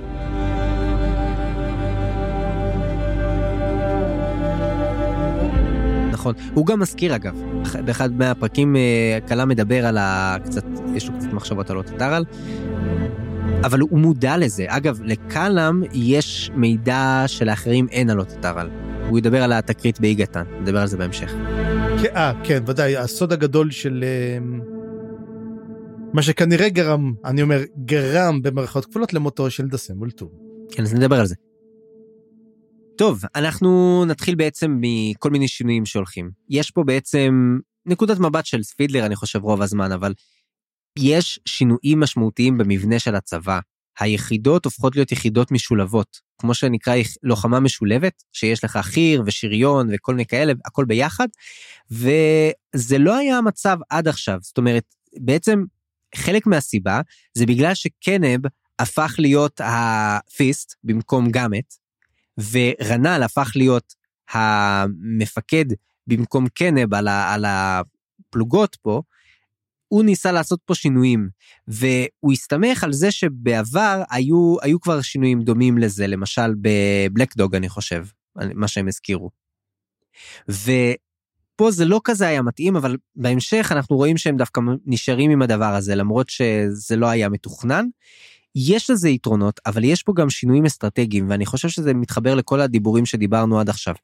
על אה, האסטרטגיה של הצבא המלזני, הגמישות שלו, זה שהוא יודע לי, בעצם לשנות את הזה, זה שאפשר לעשות שינויים מלמטה. רואים את זה בפעולה פה ומעניין עוד איך זה יקרה וגם זאת הזדמנות לדבר על כל מיני יחידות חדשות מלא חיילים חדשים עם טונה של שמות שאני לא עקבתי אחריהם אבל כל מיני כינויים מצחיקים של הצבא המלזני. שמע צפריר אני לא יודע אם אתה חשבת על זה אבל יש פה בעצם setup למלא מלא אנשים שימותו כי פתאום יש לנו מלא שמות חדשים לא? או זה או ספין אוף. אתה יודע יצאו ספין אוף אבל תראה כמעט כולם ימותו תזכור שמה שקרה בספר בספר הקודם היה לנו את כל הצבא הזה והצבא הזה מתו המונים אז יכול להיות שעושים באמת את הדבר הזה אבל אני רוצה רק לחזור למה שאתה אמרת בקשר ללוחמה משולבת אני רואה בזה עוד סימן ואני לא, לא היחידי שתבורי לא שולטת על הצבא שלה. הצבא שלה מתנהל איך שהוא רוצה באים אליה ואומרים לה תראי את השינויים האלה לא יודע כמה הם נכונים באמת תשאירו אותם. ואנחנו יודעים שרנל הוא קצין בגלל שהוא אציל הוא, יודע, הוא לא יודע בדיוק כמה הוא מודע בעצם לטקטיקות מלחמתיות זה משהו שגאמט אומר שהוא לא בסדר קנב אומר שזה אפילו לא כל כך בסדר. למה היא מחליטה להשאיר את המצב הזה ככה? מה היא יודעת שאנחנו לא יודעים? אנחנו נראה עוד מעט מה היא יודעת מה שאנחנו לא יודעים. אגב אני חושב שיש לי הוכחות uh, די טובות שאני צודק בוויכוח שלנו שהיה בפרק הקודם על היכולות הצבאיות של תבורי אבל אבל בוא, בוא נראה את זה בהמשך פה. בכל מקרה אנחנו שואלים באמת איך תבורי יכולה מתכוונת לעבור את המערבולת כי הם הולכים ומתקרבים הם נמצאים עכשיו אני חושב כאלף צעדים מהמערבולת עצמה. ואז אנחנו עוברים לטקס של בוטל שעושה סוג של דיביניישן כזה היה שם רמז גם אגב לאבא של בוטל שאנחנו לא יודעים מי הוא. הוא אומר יש לי השערות ואני ואני ואני חושש להעלות אותם כי זה מביך משהו כזה. אתה חושב שזה קוויק בן? אני לא יודע אתה אתה אומר אני אני באתי לשאול אותך אם יש לך תיאוריה אני אני זורם עם קוויק בן אבל יש פה שמע יש פה כנראה איזשהו רמז מגניב אנחנו אולי נזהה פה איזשהו מישהו מעניין אולי קוויק בן. אולי בידיטל. כן האמת זה מזכיר מאוד את הטקסים שלו כל כל הטקסים של בוטל עם, החוטים, עם הבובות. אה, באמת מזכיר את הטקסים של קוויק בן. עכשיו שאתה אומר את זה. ופידלר גם מבין מה, מהטקס הזה שקלאם נמצא בררקו, נמצא בתוך המערבולת, והוא מבין גם שכנראה יש לו תפקיד שם שיעזור להם. והוא אומר לעצמו, וואי חבל שאני לא יכול להיות איתו, אבל הוא גם מרגיש טוב עם זה, הוא מרגיש שזה בשורה טובה. והוא מבין בעצם את, ה, את החיזיון, את חיזוי העתידות של בוטל, הוא מבין אותו יותר טוב מבוטל, כי, כי mm-hmm. זה עוד פעם אחת מהנקודות האלה שהמסר מיועד לפידלר בעצם, כמו שהיה או מקודם. לקורא. עם... או לקורא, כן. um, אוקיי, ובוא נדבר קצת על גאמט. גאמט עזבנו אותו במצב גרוע, והוא כבר בטוח שזהו, כבר לא יהיה איתו כלום. Uh, הוא נמצא עם גרב שזה אותו ילד שבזכותו יש לנו בעצם את הקטע הזה עם העצמות, הם שומעים את השירה פתאום. ואני שואל את עצמי אם לגרב יהיה תפקיד יותר רציני בהמשך או שהוא שוב איזשהו... ודאי, ודאי. אחד מהדברים שאני שכחתי להגיד בפרק הקודם, ואמרתי וואי אני חייב להכניס לפרק הזה, אז הנה הזמן. באחד האפיגרפים לפני זה, מוסבר שגרב הופך להיות החרב הראשונה של האימפריה המלזנית. וואלה. אז זהו, זה אומרים, האם הילד הזה, אומרים, לא הרבה ידוע על גרב בזהירותו, אומרים, אבל זה היה עתידו כחרב הראשונה של אימפריה מלזנית, זאת אומרת, זה נשאר, אז כן, ודאי שיהיה לו תפקיד ענק, אבל גרב הוא, הוא, הוא, הוא מין התצורה מושלמת לקריפי קיד. אתה יודע, מין, כמו מין, אה, אתה יודע, הוא לא מדבר, הוא מדבר, אתה יודע, הוא לא מדבר עם קדנב מילה. כל הזמן שמע שהוא מדבר עם אחרים, איתו הוא לא מדבר אף פעם. הוא מין ממש קריפי קיד והשאלה עצמה באיזה עוד מלחמות הולכות להיות למעלה זן עם um, אותו קריפי קיד גראב. כן ואני בכלל היה לי הרבה זמן תיאוריה שהוא איזה נשמה של וורלוק ויקני או משהו כזה שחזרה לחיים והתגלגלה. אבל אנחנו לא יודעים עליו כמעט כלום. טוב, אני, אני לא שמתי לב בכלל לאפיגרף הזה, אז טוב שהזכרת לי. בכל מקרה, בוא נדבר רגע על גאמט, שבטוח שיש לו עכשיו uh, סוג של תפקיד חדש, שהוא יצטרך להיות סתם איזשהו, אתה יודע, יועץ, מייעץ לתבורה, כי היא מאוד מאוד מעריכה את דעתו, והוא מסוגל לתת לה את האמת בפרצוף. למרות שהוא כאילו, אולי עבד עליו הקלח במילה, במידה מסוימת. Mm-hmm. אבל הוא מדבר עם בליסטיג ובליסטיג עושה לו קצת אה, מכפכף אותו קצת שם אותו במקום ואומר לו תראה אתה צריך אה, להמשיך לנסות לעזור פה כמה שאפשר ואנחנו מבינים שגאמט הולך כנראה לחזור להיות הפיסט, למרות החששות שלו ולמרות הבעייתיות ש... שראינו מקודם. בליסטיק אומר לו, תגיד, אתה, אתה חושב שהבעיה, זה היה, שהבעיה הייתה שאתה לא מפקד טוב? לא, הבעיה הייתה שאתה היית קרוב מדי לשטח. אתה הפיסט, אתה צריך לעמוד מאחורה, אתה צריך לפקד, אתה צריך להעביר את המידע. אם אתה לא עושה את זה, אתה בבעיה ואתה מסכן את כל החיילים שלך וכולי וכולי. אז אה, כן, גם את עשה טעויות, אבל אני לא חושב שהוא מהותית לא יכול להיות מפקד טוב. וכנראה שאנחנו נצטרך לחלוק גם פה צפריר נראה לי שגם פה אתה תגיד שגם את אה, עשה לא. שטויות. 아, גם, אוקיי. את, גם, גם את עצמו חייל, גם את לא מפקד, גם אל חייל שטח. וכשהוא מגיע הוא רגיל להוביל את הצבאות שלו בראש. זה מה שהוא עושה חייל, הוא היה סמל. הוא לא היה מעבר לזה, הוא לא היה קצין לפני כן. והעובדה שבליסטיק בא אומר לו, תשמע, נכון, אתה המרכז, מסביבך הכל הולך, כולם מסתכלים עליך, מה לעשות? אתה צריך להגיד, החיילים צריכים בשטח. היציאה שלך לשטח הייתה טעות נוראית. טעות של סליחה שאני אומר את זה טירון. ואתה לא יכול לעשות את זה גם את אמנם גם את מבין את זה אבל אתה יודע מה ארק כזה אומר. שמה שהוא הולך למות? כן. מבחינה ספרותית לגמת אין לאיפה להתקדם. גמת הראה בעצם שהוא יוצא הופך להיות משהו אתה יודע הייתה לו את הנפילה יש לו את הצמיחה ואז גאולה במוות. יכול להיות, אין... אבל, אבל אנחנו מנבאים פה מוות להמון אנשים, ואני גם חושב ש... שניים! לא ו... אמרתי יותר מזה. אה, רגע, לא, לא, אני אמרתי... אמרתי גם את... אני, אני לא אמרתי כל החיילים המלזנים החדשים שיש לנו שמות בשבילם עכשיו. אבל חוץ מזה, רגע, רגע, רגע, אני מסכים איתך, על הנקודה הזאת רק שגם את קודם צריך להוכיח את עצמו בפועל. בוא בוא נראה אותו לא רק חוזר אלא גם לא הוא יהיה גיבור הוא יוביל את הקרב הוא יילחם מול קורבולודום או לאומן או וואט, לאומן האמת נראה לי נראה לי הוא מול לאומן. אז אם כך אני, אני חושב שגם גאמט צריך ל, לעשות רידמפשן קצת לתבורש שהיא זאת שמחליטה להחזיר אותו ו, ו, ואני חושב אגב זה עונה על השאלה שלך לאיך היא נותנת לרנל לעשות שם דברים. לא חלק מהסיבה כנראה שהיא מחזירה אותו זה שכדי שקנב יוכל לחזור לתפקיד הקודם שלו אני לא יודע מה זה מג"ד או משהו כזה או. לקפטן הוא קפ... כן הוא המג"ד. whatever ורנל יחזור להיות בעצם בתפקיד הקודם שלו. נכון כי הוא לא מתאים להיות אתה יודע זאת הבעיה אתה מכיר את, את העיקרון הפיטרי? לא. שזה אומר שבין, שאנשים לא מוצלחים מועלים מעבר לדרגת ה, מה שהם צריכים להיות. אה כן כן כן כן מכיר את הרעיון הזה אבל לא ידעתי שקוראים לזה ככה. כן עקרון הפיטרי אז um, אותו דבר זה גם פה אתה יודע אסור לעלות את רנל מעבר לזה הוא טוב בתפקיד שלו והוא טוב להיות אתה יודע אה, קצין מחלקה וכל הדברים האלו. הוא לא הוא לא צריך להיות מעבר אבל השאלה אפילו אחרי שרנל עשה את כל השינויים למה לא למה לא לשנות את זה. זהו שתבורי נתקעה עם מלא קצינים כאלה זאת זה אחת הבעיות שאנחנו מגלים שהיא בבעיה יש לה המון קצינים שלא עברו את ה culling בעצם כל מיני אה, אתה יודע כאלה ש... ילדי שמנת שהגיעו להיות קצינים בצבא, בצבא ואין מה לעשות איתם כל כך אז היא נאלצת לתקוע אותם במחלקות של שהם לא יוכלו לעשות יותר מדי נזק. וחלק מהסיבה זה שיש לה במחלקות האלה אנשים עם הרבה ניסיון כמו פידלר למשל שיודעת שהם יוכלו להתמודד עם, ה, עם הבעיות שלהם. האם זה מושלם? לא, כנראה שלא, אבל אין לה אולי המון ברירה, אין לה המון אנשים שיכולה באמת אה, להשתמש בהם אבל בוא בוא נמשיך טיפה הלאה. היו פה כל מיני הכנות בעצם לכניסה למערבולת אבל גם היה פה נקודה מאוד מעניינת על uh, שלושת ה... Uh, על, על תג. נכון היה פה בעצם את החיל הרגלים הכבד שנכנס לתמונה? mm-hmm. ואחד מהם קוראים לו תג. וטאג מדבר בעצם על uh, ההיסטוריה של שלושת המוסקטרים שלנו כן? על uh, על פידלר גסלר ומי השלישי בורדוק. בורדוק, כן. וזה גרם לי לחשוד צפריר. אני חושב שטאג ושני החברים שלו הם בעצם המרגלים של שאיק. למה זה? אה, כי הוא יודע כל כך עליהם? כי הוא יודע כל כך הרבה עליהם, הוא כאילו מאוסף את המידע הזה, הוא כאילו, אה, אתה יודע, הוא יודע יותר ממה שאמורים לדעת.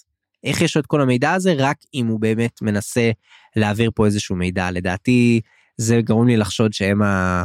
הם המרגלים. אז למה הוא חושף את זה בפניהם? אולי כי הוא מקווה לקבל עוד מידע. אוקיי.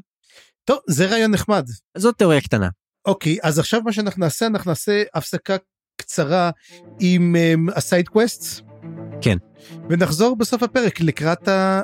לקראת הסוף, מה קורה אחרי המערבולת. אז אה, בוא נתחיל בעצם ב... במי אתה רוצה להתחיל?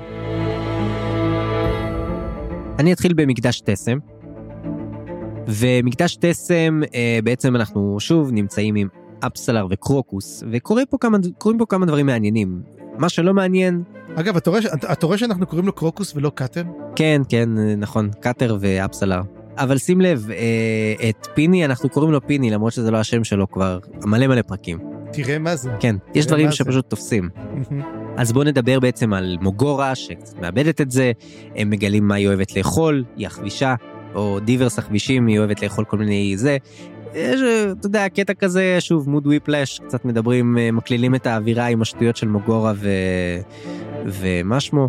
ויש פה שיחה על, הם מבינים שקלאם היה שם, מהשיחות איתם, ואפסלר מזהה שם, יש שם איזשהו סימן בעצם שקלאם היה משאיר, נכון? כמו כזה שים, ברידג' ברנרס יש להם את השטיקים שלהם, אז היא אומרת כן כן הוא כנראה היה פה, וקאטר נכנס בפאסט, פעם ראשונה שהוא ככה עומד מולו ונכנס בו ממש כזה יורד עליו, השאלה אם יהיו לזה השלכות. והדבר הכי מעניין שקורה בפרק הזה בחלקים האלה זה שקוטיליון מבקר את אפסלר ומדבר איתה. ובחלק הזה היה מאוד מאוד מעניין כי זה גרם לי לחש... לראות אחרת את כל הפרקים עכשיו שדיברנו על אפסלר וקאטר כי פתאום אנחנו מבינים שקאטר היה סוג של מוקיון בחלק הזה. הוא בעצם היה כלי משחק של קוטיליון שידע לנצל את זה שאפסלר באמת אכפת לה ממנו והוא השתמש ב... הוא שלח את קאטר למשימה שכל המטרה שלו היה שקאטר ייכנס למשימה שהוא לא יוכל לצאת ממנה ואפסלר תחלץ בעצם להציל אותו ולעשות את המשימה במקומו. כי היא זאת שיש לה את היכולות הבאמת מרשימות. ואתה יודע, הוא לדעתי הוא הצליח, הוא שיחק בהם ממש ממש טוב. אולי יש לך דרך אחרת להסתכל על הדבר הזה, אבל פה, היה פה באמת חלק מאוד מאוד, אולי שימוש מאוד מאוד ציני של קטיליון, איזשהו מניפולציות מאוד מאוד מעניינות פסיכולוגית שהוא הביא את אפסלר למצב שהיא חייבת לעשות את מה שהוא רוצה למרות שהיא לא רוצה יותר שום קשר אליו, היא לא רוצה להשתמש בכוחות שלה. וגם היה פה דיבור פסיכולוגי מאוד מעניין על הזהויות שלהם, של קאטר ואפסלר. בעצם מי משחק אותה מה, וקאטר כאילו משחק אותה עכשיו, קיבל איזשהו אלטר אגו, שהוא אה, המתנקש, הרע, והשאלה אם הוא עושה את זה בשביל להרשים אותה, או, או, או כאילו להיות דומה לה. ואפסלר היא המתנקשת האמיתית, יש לה יכולות מאוד מאוד מעניינות ו- ו- וטובות בקטע הזה, אבל היא לא רוצה להיות מתנקשת, ויש פה, אתה יודע, זה פשוט מעניין, ההנגדה ביניהם, ואולי השאלה האם הם יוכלו אי פעם לעבוד ביחד או לא. תראה, יש משהו מאוד מעניין, אה, ושמתי לב, זה מהתחלה, אמרתי רגע, אולי טעיתי, אבל בדקתי את זה שוב וזה לא. כשאפסלר מדברת עם קוטיליון, היא קוראת לקאטר קרוקוס. היא לא מסתכלת, היא לא ראתה אותו מעולם כקאטר. וזה צריך לזכור את זה, הוא ראה את עצמו כקאטר, היא ראתה אותו כקרוקוס תמיד. היא ראתה אותו כמו אותו ילד תמים, מוקיון, אפילו את כל הדברים שעושה, אפילו שהוא מן לוחם ומתאמן עם הסכינים שלו, הוא קרוקוס. בשבילה הוא יהיה תמיד קרוקוס, והיא חיבבה את קרוקוס. היא לא סובלת את קאטר, היא אוהבת את קרוקוס. אבל אני חושב שהיא מבינה שלמעשה אה, קוטיליון משתמש ב... בק... הוא משתמש בקאטר ככלי משחק. הוא משתמש בה בשביל לעשות את זה ולכן הדרך היחידה שהם יכול, יכולים לחיות בי... לחיות כל אחד זה פשוט שהם לא יהיו ביחד כי הוא בעצם חולשה.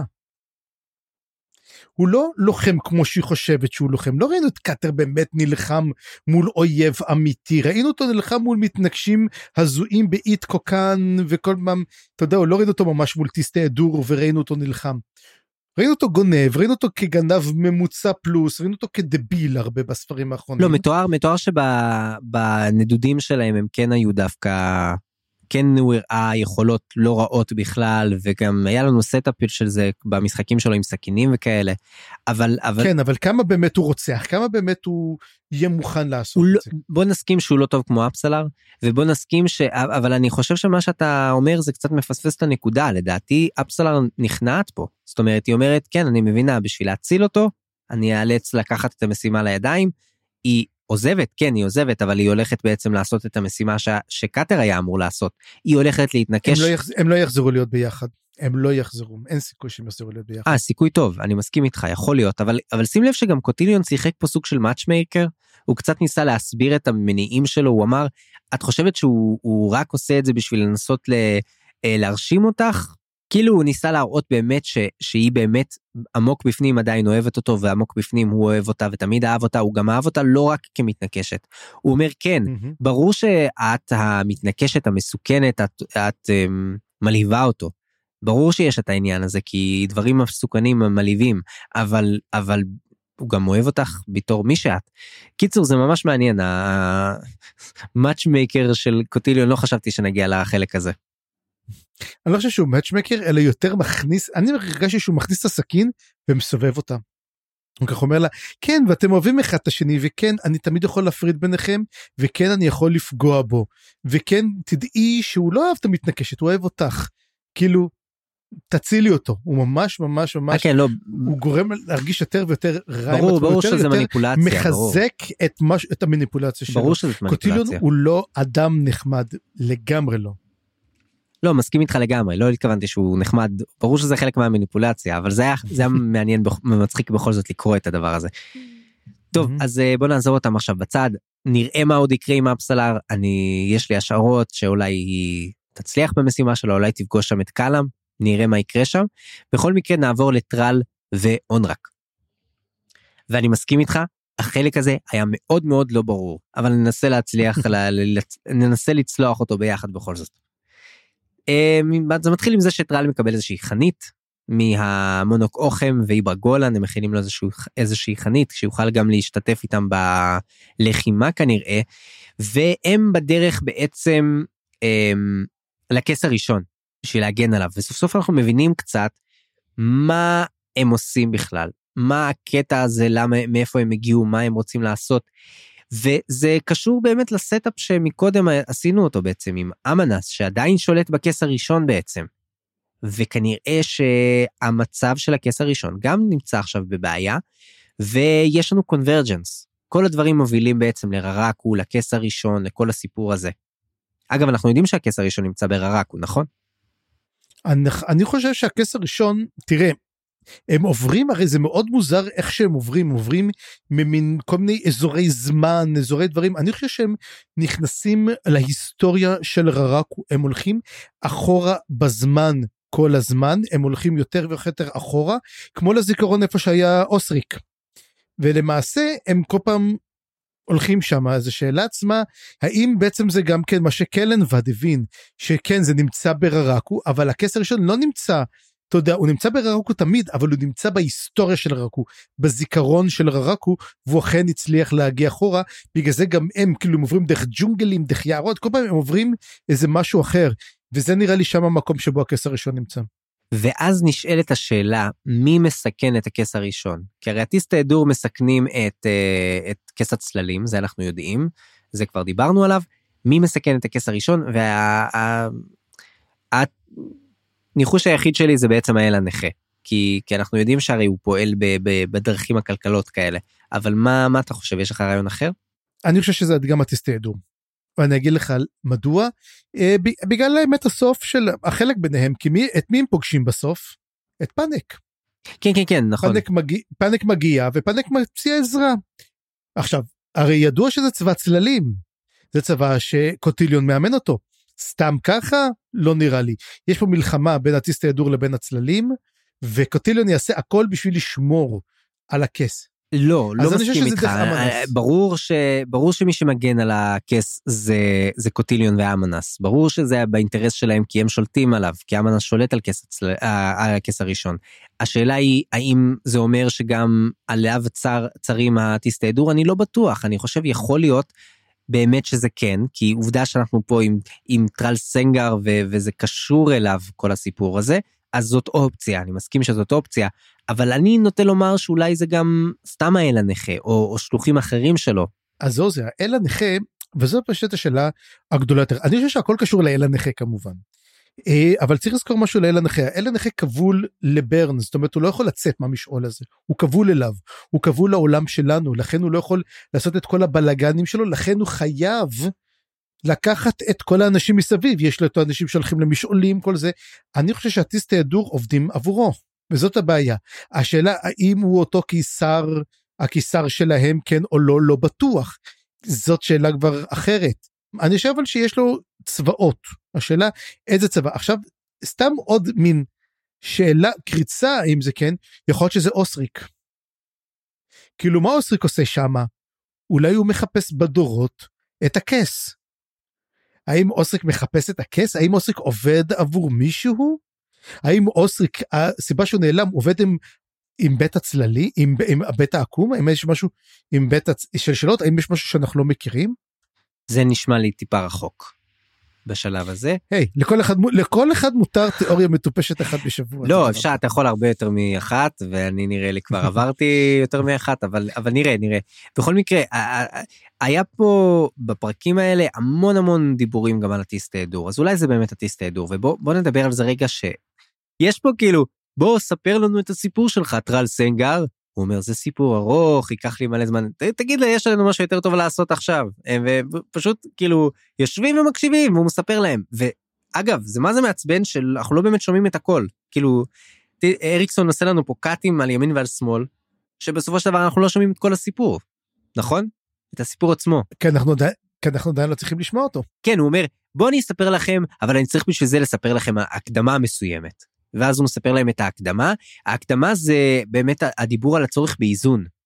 וזה מזכיר לי מאוד את מה שדיברנו על uh, סיבל ומה שהיא סיפרה על בית השלשלאות. שבעצם יש את המלחמה של הכאוס בסדר, ואז מה שבא לאזן את זה זה בעצם האל הנכה עם בית השלשלאות שלו. ו, וזה מאוד מאוד שומעים את זה גם מהדיבור של טרל סנגר. וכמו שאמרתי, את הסיפור עצמו אנחנו לא שומעים, אבל זה מאוד מזכיר לי קצת את המשתה של אפלטון אתה מכיר את הקטע הזה שבעצם לא. זה זה אחד מהקטעים המפורסמים של אפלטון וכל הסיפור בעצם זה על הדרך שלהם אל המשתה. כאילו אפילו לא שומעים על מה קורה במשתה אבל קוראים לסיפור המשתה ובעצם הדיאלוג הזה והכל קורה בדרך יש להם פשוט שיחה מאוד מאוד ארוכה התפלספות ארוכה בדרך. אז סתם זה היה לי... פרק קנטרברי מדברים עד שנגיע לקנטרברי אבל לא רואים מה קורה בקנטרברי. כן אז, אז זה קצת היה לי באמת כזה כזאת תחושה פה וזה היה, היה מעצבן אחד. ספר לנו כבר מה הסיפור של הטיסט דור. כן אז תראה אמנם את הסיפור של הזה לא קיבלנו אבל כן קיבלנו שיעור היסטוריה. בהמשך קיבלנו שיעור היסטוריה שטרל בעצם מספר להם על uh, או טרל או אימאסים מספרים לו. פה אני כבר לא... האימאסים מספרים גם תיאור שיעור היסטוריה משלהם על ההרס או יש להם עוד שם, קוראים לו הארסל. והם אומרים שזה באמת, כמו שאמרת בהתחלה, זה עם שקדם לאימאסים, ועד עכשיו חשבנו שהאימאסים היו עם קדום, או אם לא, אם לא הקדום ביותר, אחד הקדומים ביותר, וגם ידענו, אגב, שהיה עוד עם קדום לפניהם, לא, לא יודע אם עם או גזע, קוראים להם פוקרו לסייל. ופה האימאסים מספרים לנו שה... הארס או הארסל הם כולם היו מטילי עצמות. שזה פסיכי, כי גם אפילו אצל האימאסים רק חלק הם מטילי עצמות וכנראה לא, לא הרבה, נכון? בוודאי שלא הרבה, עובדה שאונרק חושב מי יכול להיות אותו אורגל, הוא אומר אוקיי זה יכול להיות רק שניים, כי יש איזה רשימה של איזה עד עשרה. הוא אומר זה כל מטילי העצמות שיש. כן זה מה שזכרתי גם. אני חושב שאונוק מוחם הוא מונוק אוכם הוא אחד האחרונים. Mm-hmm. הוא וקילבה, מי עוד נשאר שם? זהו בערך. לא, היה עוד את ה... את ה... על המת. אורוגל עצמו. היה את הדרקון העל מת שהגיע אחר כך אה, שם עם... אה, נכון. לא זו, יש שם רשימה, בוא, בוא לא נתעכב על זה יותר מדי. אי אפשר כבר לעקוב. זהו, זה הרגתי, הרגתי אותך, זהו. כן, לא, כן. לא אתה הרגת אותי, השיעול הרג אותי, אבל... אריקסון, כן. כן. טוב, תראה, אני אכנס פה, יש לי באמת תיאוריה פסיכית פה, בקטע הזה. אני נוטה לו... זאת התיאוריה שהבטחת מהתחלת הפרק? זאת התיאוריה שהבטחתי מתחילת הפרק. יאללה. כי אני חושב שהארסל מאוד מזכיר לי את הפורקרולה סייל.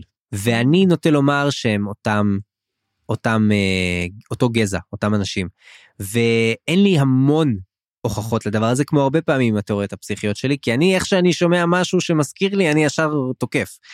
כי זאת הדרך לתפוס אה, תיאוריות פסיכיות מאזינות ומאזינים. זה אין, אין, אין אופציה אחרת. חייבים ללכת גם אם זה מטומטם חייבים ללכת על זה אבל יש לי קצת יש לי קצת קצה חוט והדבר הראשון זה ששמענו שגם הפורקו לסייל. הם היו קודמים אפילו לת... לאימאסים. זה כבר שמענו פעם אחת. ודבר שני אנחנו יודעים שהם אוהבים ל- לשנות את השמות. זאת אומרת יש לנו בעצם מורפולוגיה של שמות פה לאורך ההיסטוריה ופורקו לסייל וארס סייל נשמע לי מאוד מאוד דומה, אבל יכול להיות שאני אומר את זה בשביל ככה להתאים לתיאוריה שלי. אז זהו זה, אמ, אני אלך מהצד השני ויהיה מה שנקרא Devil's Advocate פה, ואגיד שראינו הרי את ה-RSL, אנחנו רואים אותם בחזון של אוריק, והם נראים כמו יצורים פרוותיים נורא, כמו ממש אדם קדמון. ולעומת זאת שרואים בתחילת הספר את, את שלווה, שלווה לא נראית אותו דבר, שלווה נראית, אה, קודם כל מסבירים שהיא נראית בצבעי שחור לבן, יש לה מין יותר מדי פרקים בידיים, וזה לא משהו שמתאר אותם גם, אני חושב ש... לאוריק היה אומר משהו, אם הוא היה רואה אותם והיה אומר, רגע, זה ארס? לא, זה פוקולה סייל. הוא היה יודע מזה, נראה לי שיודע מקצת. אה, אני חושב שהארס בוא נגיד זה עוד גזע שהוסיפו לנו עכשיו כאילו סוף פרק סוף ספר בוא נוסיף שלושה גזעים 70 דמויות ונראה איך תסתדרו עם זה זה נורא מתאים לאריקסון. אני רק אגיד שלדעתי ברור שהם לא אותו דבר אבל מי יודע אולי עברו עליהם שינויים וגם אגב אם הם מטילי עצמות זה אומר שהם יודעים לשנות את הצורה שלהם. אז יכול להיות שהם כולם שינו את הצורה לפורקולה סייל או הגיעו איכשהו להיות פורקולה סייל. אז המראה זה, פה זה, לא בהכרח אומר... זה יותר מעניין, זה יותר מעניין. אה, ועוד משהו, ארס וארס על, היה שם כזה מין גרש כזה, שזה מה שבעצם מסמל ב, ב, במורפולוגיה של השפות על מתים. וזה גם יכול להיות קשור, שהארס הפכו להיות אה, גזע על מת. לאו דווקא, כי קצ'ן צ'מאלה גם יש להם את הגרש הזה, זה לא אומר. לא, בדיוק אמרנו את זה על הקצ'ן צ'מאלה. לא, התלן נמאס. היה להם את זה, היה להם תלן ואז הפך להיות תלן. נו, וגם... קצ'ן צ'מאלה לקצ'ן צ'מאלה היה להם גם שני סוגים שונים של קצ'ן צ'מאלה וזה לא אומר על מתים זה פשוט קצרי הזנב וארוכי הזנב. אני זוכר שדיברנו על זה בספר הקודם אבל בסדר יכול להיות בוא נתעכב על זה שוב. אנחנו יש לנו המון דברים לעבור אבל זו תיאוריה מופרכת ונראה אם, אה, אם יש לה איזשהו בסיס אבל בינתיים אני אוהב את זה. ונמשיך בעצם אה, על זה שאנחנו נמצאים בעצם בשער למקום המקודש של הארס וזה מזכיר בעצם את, ה, את ה, המקומות המקודשים של הארס מאוד מאוד מזכירים לי את הדיבורים על המקומות המקודשים של ררקו שהם קדומים לאימאס. זה לפני אפילו זמנו, זמנו של הוד ככה הם מדברים פה. שזה מעניין אגב לא לא שאלנו את עצמנו אבל כל האלוהיות האלה שאנחנו מדברים עליהם. כמה הם עתיקים יכול להיות שהם לא עתיקים כמו שאנחנו חושבים. בטח פחות עתיקים מהארס על אולי אפילו עתיקים טיפה יותר מהאימאס אולי טיפה פחות. מעניין. כן. זאת שאלה האמת היא אחד הדברים אני אני חשבתי לפי גם מה שראיתי שאתה יודע שבני אדם עלו או יצורים הפכו להיות אלים הרי הם הפכו להיות נשגבים. אני חושב שגם הוד הוא אחד כזה הוד אחד המחשבה שלי שהוד עצמו נמאס. שזה אירוני לחלוטין שבעצם אני חושב שהוא אימאסי לא תלה נמאסי אלא אימאסי כי הוא בעצם מקבל את במוות את כל אלו שלא יכולים למות. אתה יודע שכאילו ואני חושב שזה נורא אירוני ונורא מתאים לאריקסון לעשות כזה דבר וגם דסמבר, דסמבריס אותו אל יגון שהיה פעם עם הוד הוא בעצם דסמבלקיס. אני חושב שזה דסמבלקיס אותו אחד שהיה כי השם נורא נורא נורא מזכיר אותו אז לאיפה הם נעלמו כל אותם זה וזה קצת מעניין שאני חשבתי גם אותם שבעצם הקיסר של האימפריה הראשונה שהוא איך קוראים לו תלנמס הוא אימאסי ייקח את הקיסר הראשון של האימפריה הראשונה הבאה להיות הסגן שלו שזה מין איזה מין המשכיות בו כאילו לוקח אותו אליו הצידה. מטפח אותו. כן ותשמע מה שקורה עכשיו מאוד מאוד מוזר אני לא עקבתי אחרי זה לגמרי אז אם יש לך משהו להוסיף תגיד. בכל מקרה יש לנו פה הם עוברים בשער ויש שם איזושהי אישה מוזרה הם אומרים אחר כך שזאת כנראה ארסית כן מהארס. ו... ארסית כן. היא איכשהו תוקפת גונבת כנראה את הזרע של טרל סנגר לא ברור איך היא עושה את זה אבל אה, ואז הם פוגשים בעצם את אה, כמו שאמרנו את אפט ופאנק. ושמע פאנק עבר קצת שינויים הוא קצת יצא מהחדר כושר כנראה, מה, מההגנה שם, ופאנק אומר שהם מגינים על הכס הראשון, יחד עם עוד מישהי, ואני חושב שזאת מנהלה, לדעתי זה די אה, מסתבר שזאת היא, אבל מה היכולות קרב של מנהלה? אנחנו לא יודעים. אין לה כמעט. זאת אומרת, אנחנו יודעים שיודעת לרכוב על סוס, זה מה שאנחנו יודעים עליה. אמ, יכול להיות שזה מדובר על מישהי אחר, יכול להיות שהוא מדבר על, יכול להיות שהוא מדבר על מישהי אחרת. יכול להיות, אה, לא- יכול להיות שזאת כבר אפסלר. שנמצאת שם? כנראה זה אפסלר. הופה. ש- איך עלינו ביחד? instant revelation. זאת כנראה אפסלר. זאת לא הייתה עריכה, באמת אמרנו את זה ביחד. הלאה.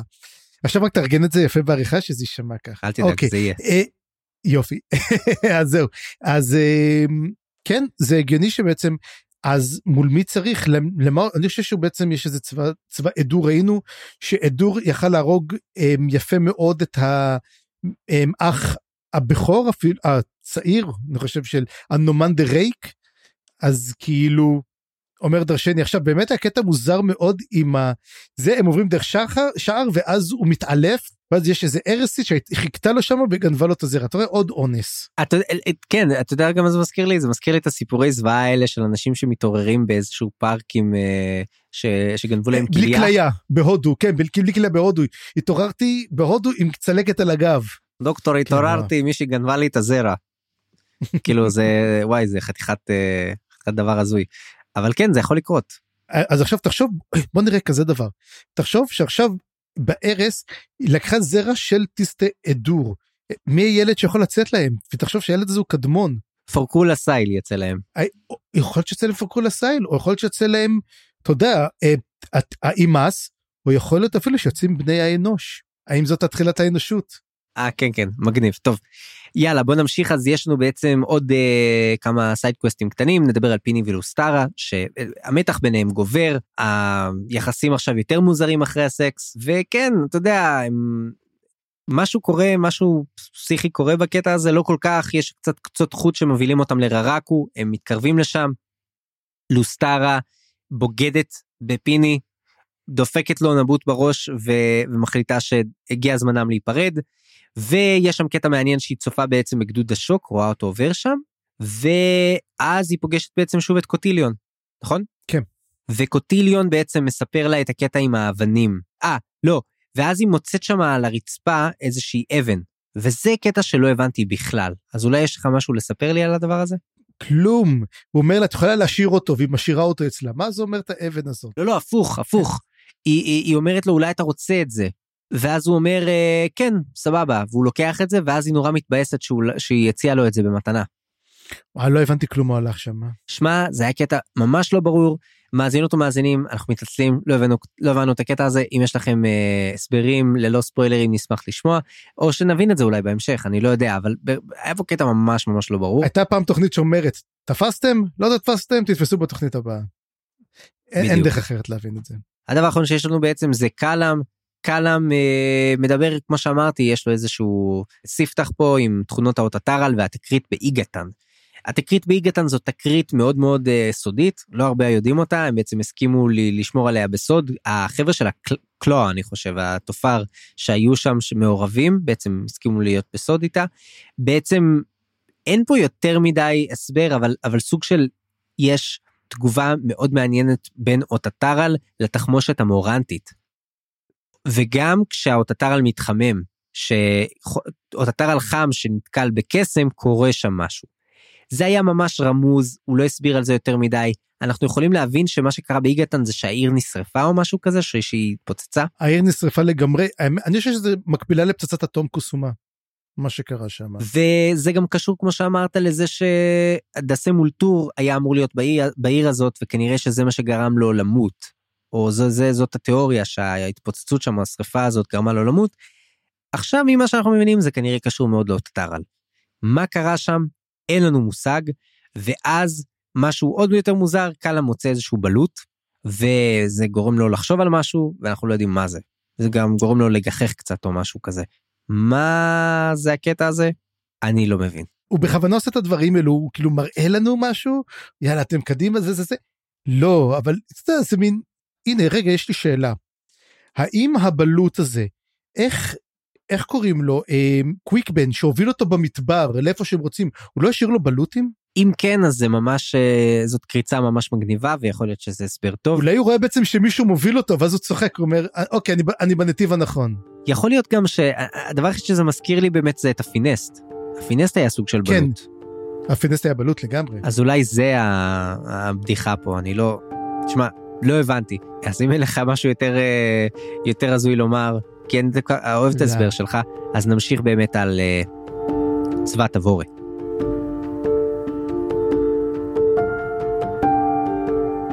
צבא תבורי. אמ, יש לנו בעצם אה, שוב כמו בפרקים הקודמים אנחנו שואלים את עצמנו עד כמה תבורי יודעת מה היא עושה לא יודעת מה היא עושה האם היא תצליח לעבור את המערבולת לא תצליח לעבור את המערבולת? הם כולם מרגישים שהם מובלים למלכודת ואני לא זוכר מי כתבתי פה שהוא נפגש עם תבורי אה, גם את נראה לי. גם את. כן כן כן, כן נכון. כל הנקודה הזאת היא מין נקודת מבטו. רוב, רוב, רוב, רוב הפרקים הם מנקודת מבטו של גאמט. כן. ופידלר, אלו שני. נכון שני, שני המרכזים. אז באמת הוא נפגש עם תבורה והיא אומרת לו בוא בוא תצטרף אליי ואז עושים את הטקס הגדול שהוא ה, ה, בעצם רגע השיא בפרקים האלה אני חושב שאחר כך אנחנו שוב רואים אותו מכל מיני נקודות מבט מכל מיני זוויות. ניל ונדר סוף סוף מראים לנו מה קורה ואגב זה מאוד מעניין שהם עברו שינויים אנחנו סוף סוף רואים שניל ונדר הם לא הם כבר לא כל כך ילדים, הם כבר מתבגרים, ואנחנו יודעים שסול טייקנים הם אמורים לגדול בצורה אה, מהירה יותר מהרגיל. אבל הם לא סולטייקן. הם לא סול... ניל ונטר הם גלגול נשמות של נכון, נכון, נכון. שמאנים. הם לא סולטייקנים. כן, אני פשוט מתכוון כמו שהיה... אני חושב שהם נראים בוגרים, הם נראים בוגרים לגילם, אני חושב ששרשרת הכלבים ביגרה אותם מאוד. כן, אבל פה הם באמת, כנראה התבגרו גם באמת. הם כבר לא נראים ילדים, זה הקטע. והם עברו עליהם שינויים, ועכשיו אנחנו מבינים פתאום שהיה פה מין תוכנית פסיכית של תבורה, שהולכת, יוצאת לפועל, וכנראה משתלמת לה מאוד. כי ניל ונדר מצליחים בעצם ליצור קשר עם האדמה. והם עושים טקס שכרוך בזה שהם מוציא, קצת אה, לוקחים מהדם של גאמט, וגאמט בעצם חותך את היד, מטפטף את הדם, ואז הם עושים את הטקס ומתחברים לזיכרון האדמה. ולדעתי זה קשור לעובדה שגאמט מקודם כבר התחיל לשמוע את השיר של הטאנו, ואני חושב שזה היה setup כזה שלגאמט יש קשר רציני פה. ואולי זה מהעובדה שגאמט הוא וטרן, וכמו פידלר, הוא היה כבר בררקו. יכול להיות דבר כזה? יש סיכוי שהיה בשורפי הגשרים ואנחנו לא ידענו את זה. ודרך אגב, יכול להיות שזאת כל הסיבה שהביאה את גאמט. למה טבורה הביאה את גאמט? כי היא צריכה מישהו שעבר פעם בררקו, היא ידעה את זה, היא לא ידעה שפידלר יהיה שם. פידלר wild card, אתה לא יודע שיהיה שם, ואף אחד לא יודע שגם קלאם יהיה שם. ואולי זאת הסיבה היחידה שהביאה את גאמט. והיא הפכה אותו לקפטן, למה הפכה אותו לקפטן כזה גדול? שהוא לא ילך לרוץ לקרבות. שישאר קרוב אליה. יכול מאוד להיות. ואם אני חושב על זה עכשיו וזה נכון, she's a fucking genius. ואנחנו כבר מבינים עד כמה, כי בעצם אולי, אתה יודע, זה הסצנה, מה שהולך לקרות עכשיו, זה ממש מזכיר לי את אה, שר הטבעות כמובן. את החלק עם אראגורן שהולך ומגייס את עזרת העל מתים, אה, הרוחות, או, לא זוכר כבר מה זה, איך הם קראו לזה שם, אבל...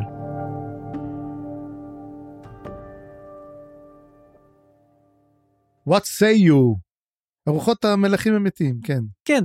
אלה שהיו חייבים לו בעצם, אלה שהיו אה, תחת שבועה שלא נחלצו לעזרת מלכי גונדור ועכשיו הם חייבים לו בעצם, אז הם באים.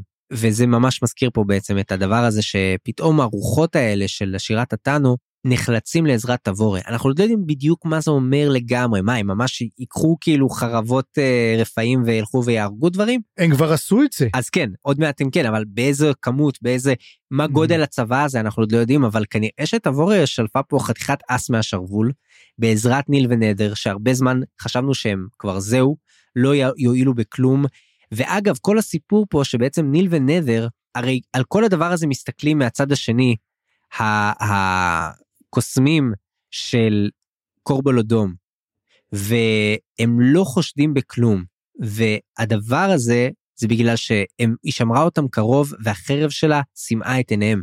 ואז בשביל שיעשו את הטקס היא, היא, היא בעצם שולחת את החרב, השליחים לוקחים אותה רחוק משם ואז הם מצליחים לעשות את הטקס.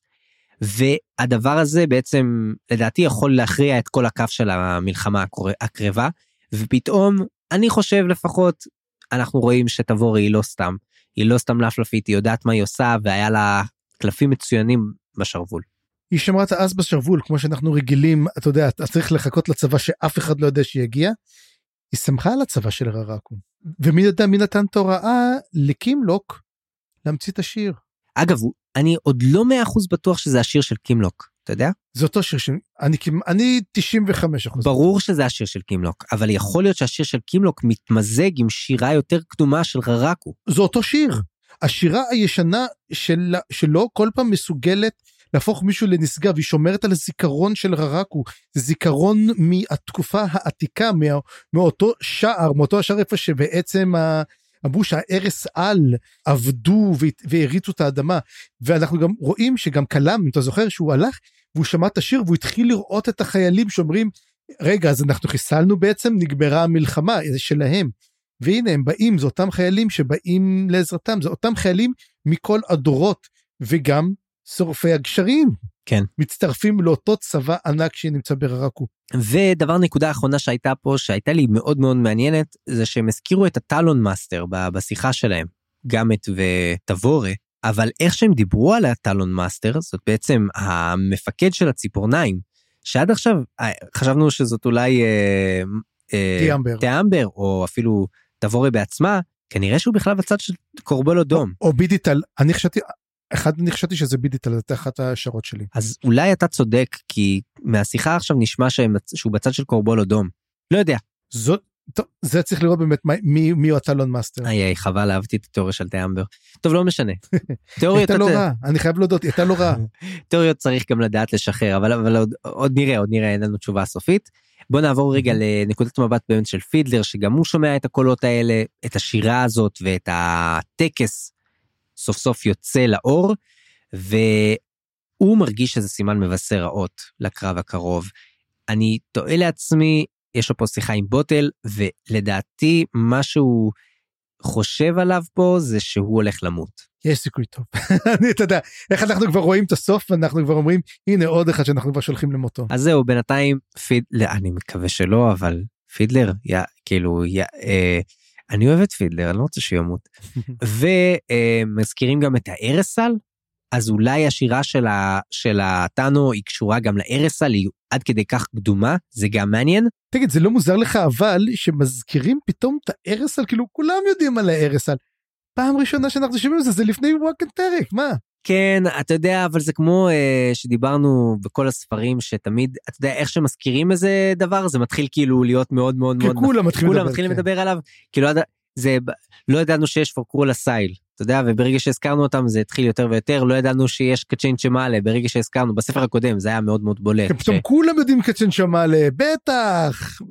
שמע זה זה כן יש יש את הקטע הזה אצל אריקסון אני לא אני לא אני לא אשקר יש את הקטע הזה זה קצת מוזר אמ, וזהו ובוא נדבר גם על הנקודת מבט האחרונה שבעצם צופה בכל הדבר הזה בטקס הזה אצל קורב ולאומן הם רואים שכל השמאנים מתחרפנים והעבר מתעורר והשמאנים כאילו לא מבינים מה קורה שם אתה יכול להסביר את הקטע הזה אני חושב שאני מבין אותו פחות ממך. Uh, לא, um, מה שקורה, um, נשלח לעבור ואז אומר לו בעצם um, לאומן תשמע לך אתה והוא הולך והוא רואה שירו עליו ירו חץ לקודם בראש ואז הוא מבין שכל השליחים בעצם חוסלו. כן כן כן אה, אה, אה, נזכרתי הרי הם שלחו שליח שיגיד את מה שהם גילו בעצם לקורבול אדום להגיד לקורבול אדום להתכונן. לא אני חושב שהם שלחו את זה בעצם לשאיק שיגיד לה שיגיד לה ש... שקורבול אדום אסור לו לפקד אסור לו לפקד כן. הצבא, נכון. ו... וכל השליחים בעצם מתו. Uh, ואז הוא שולח את קורב כי אין לו ברירה אחרת קורב הוא מישהו סומך עליו הכי הרבה ואנחנו ראינו שהוא גם לא פראייר אז הוא שולח את קורב שיעשה את זה ש... שיעביר את המסר ו... ואז מישהו מנסה להרוג אותו בדרך. וזהו זה קטע כזה קצת מוזר אבל אתה אני מבין שיש לך קצת אה, תיאוריה פה אז אולי תגיד לי. יש לי תיאוריה יש לי תיאוריה ואני אגיד אותה. התיאוריה הזאת מתחילה בקשר למי זה קורב בלן בטולסו whatever השם שלו קורב. קודם כל אנחנו רואים פה שהוא מנסה לעשות את זה כל הבריחות שלו וכל הדברים זה נורא נורא מוזר. אבל שים לב שהוא נשאר במדבר הרבה זמן ואז איך בעצם פוגש אותו לאומן. הוא, נש... הם, הוא עושה איזה מעשה, הם, הם משאירים אותו במדבר, ואז, ואז תופס, במקרה מוצא אותו ליאומן, הוא לוקח אותו למישהי שמרפא אותו, וקוראים לו המון המון דברים שהם קצת על גבול הלא טבעי. אני אומר, הוא למעשה הנבחר של אופון, ואני אגיד גם למה. וואו, וואו, וואו. אני, אנחנו יודעים שהרי או, קרוקוס זרק את המטבע, נכון? אנחנו לא יודעים אפילו מה קרה ואם קרה, אני חושב שקורב מצא את המטבע הזה, אולי זאת הסיבה לכל מה שקרה לו. שגלו אותו, שזה, לקח את המטבע הזה, כי תשים לב לדברים המופרכים שקורים. אה, מגיע אה, אה, בורדוק וזורק לו קרסר על הרצפה בין הרגליים שלו. מה הוא עושה? הוא מין שם, הוא במקרה מוצא איזה קסדה שנפלה לאיזה מישהו, שם אותה ועף באוויר וניצל. אחר כך שהוא מנסה לעשות את הדבר הזה, הוא תופס איזה גופה, יורים על הגופה, הוא נופל אחורה, קורים דברים פסיכיים. הסלפסיק הכי גדול בעולם. זה לא טבעי. מישהו שומר עליו, וזה מזכיר מאוד את קרוקוס שהתכופף, ואז החץ עבר מעליו. אני אומר פה את, את התיאוריה המופרכת שלי, קורב הוא הנבחר של אופון. ואני חושב שאנחנו נראה את זה בפרקים הבאים דרך אגב, כי אריקסון לא כל כך, אתה יודע, מסתיר את זה, הוא די אומר את זה, אבל הוא ממש הגזים פה עם הקטע הזה, זאת התיאוריה שלי. אוקיי, תיאוריה מצוינת, אני מאוד מאוד אוהב אותה, במיוחד כי אופון... וואו, תשמע, לא קיבלתי תיאוריה מצוינת, אני חושב, כבר שלושה ספרים, אבל זה או, כיף. וואו, וואו, וואו, וואו, בוא, בוא לא נגזים, בוא לא נגזים, אני מאוד אוהב תיאוריות שלך. אבל אני אעלה בכל זאת תיאוריה אחרת, כי זה, אני מקבל השראה מה, מהקטע הקודם. אולי, מהמם. אולי קורב הוא הטלון מאסטר? קצת מופרך, ואז הוא בכלל, ואז א' אנחנו מבינים למה הוא היה בב- בב- בב- בבלגנים, הוא היה בבריחה, כי ה Talon תחת אה, מצוד או משהו כזה, וגם אולי זאת הסיבה שלאומן הציל אותו, כי הוא הבין את הערך שלו. תשמע, זה יותר הגיוני שלאומן יהיה אז זהו, ה Talon Master. אז אמרתי, ואם לא אז אולי לאומן. תראה, יש לנו בינתיים שלושה אנשים ונשים שמאוד מאוד סיכוי גבוה שלהם להיות Talon Master וכל אחד הדברים שלו. אחד מהם זה טיאמבר אני מאוד אוהב את התיאוריה הזאת מכיוון שהיא מקושרת מאוד לטבורה והיא יכלה להשיג לה את בודין. וזה אולי אחת בגלל זה התיאוריה שאני מאוד מאוד אוהב אותה. בידיטל כי בידיטל ראינו שהראש כת הוא היה של רשן הוא היה מקושר לצללים יש סיכוי טוב מאוד שהוא יהיה טלון כי זה גם מה שיצר קוטיליון. אז זאת סיבה מאוד מאוד גדולה. מה שאני מאוד לא אוהב בבידיטל ספציפית, זה העובדה שהוא לא קרוב בכלל לאונטה. והרבה מהמלחמה של הטלון הוא וה... קוסם והוא יכול לדבר במשעולים זה לא חייב להיות קרוב אנחנו גלים שמרחק הוא לא עניין. טמבר זה כן טמבר זה טוב אבל ליאומן הוא כל כך חריג בנוף גם למה הוא נמצא שם בכלל? מה הוא? הכישרון שלו ברזל קר צריך לזכור את זה. אמ, זה גם כן אחלה. זאת אומרת אלו שלושה שאני יכול להגיד עליהם יש אופציה. אני יותר נוטה בין טמבר לליאומן הם יותר החזקים אצלי. סבבה. זהו, אז נראה לי נעצור פה, נעבור ל... ל... שוב לצבא שאיק, אבל הפעם אתה תיקח את המושכות ותספר לנו קצת מה קרה שם.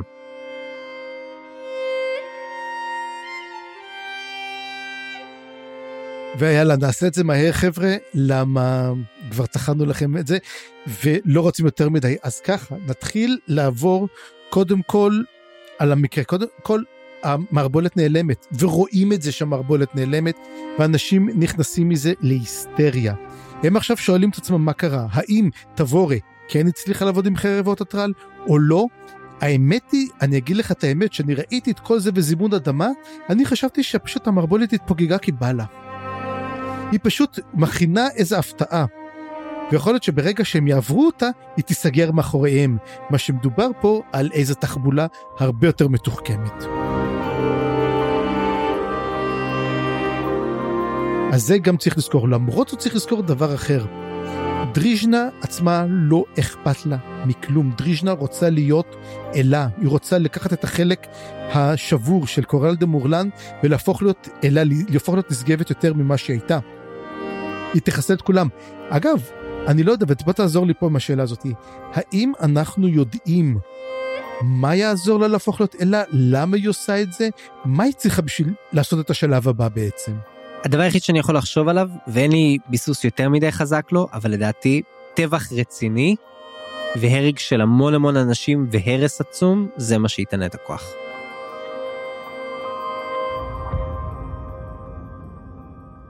אני חושב שהיא די באזור, כן, אני חושב, ולכן היא גם כן, זה עוד יותר מעלה את זה, שהיא הורידה בעצם בעצמה. לא, לא, כן, ה- לדעתי הם אומרים את זה בפירוש. לדעתי נאמר בפירוש, אני לא זוכר בדיוק באיזה שלב, אבל כן, דריז'נה מורידה פשוט את המערבולת, כי היא רוצה, היא רוצה שהקרב יקרה, היא לא רוצה... ברור. אני חושב שהיא גם תעלה אותו אחר כך מאחוריהם והם לא יכולים לברוח, מה שאומר, אין, אי אפשר לברוח מזה, באמת זה יהיה פה. אז בוא נדבר על הבורג ושרים, שהיא כל כך, אין כל כך מה להגיד, זאת אומרת, שאיק מסתכלת, היא קצת, היא קצת בשוק מהדבר הזה, אבל החלק עם שאיק יהיה חשוב יותר בהמשך. לא, יש פה חלק מאוד מאוד חשוב. קודם כל היא צופה בסצנה הזאת מאוד בבהלה, כן, זה נכון. הסצנה של ניל ונדר. זוכר שקראתי והיא לא, לא הבינה, היא רק מבינה בעצם שהמצב לא טוב, היא רואה את זה וזהו, זה מבינה שצריך לעשות איזה שינוי כלשהו. כן, רק מעניין ששאיק גם היא מדברת בעצם על, על, על ההבדל. שאיק מדברת בתור שאיק, היא לא מדברת בתור דריז'נה. היא מבחינתה דריז'נה היא כמו סוג של כזה קול מאחורי הראש שלה, משהו שהיא כן שומעת, אבל היא לא, היא לא מזדהה איתה, למרות שאנחנו יודעים שדריז'נה מאוד מאוד משפיעה עליה.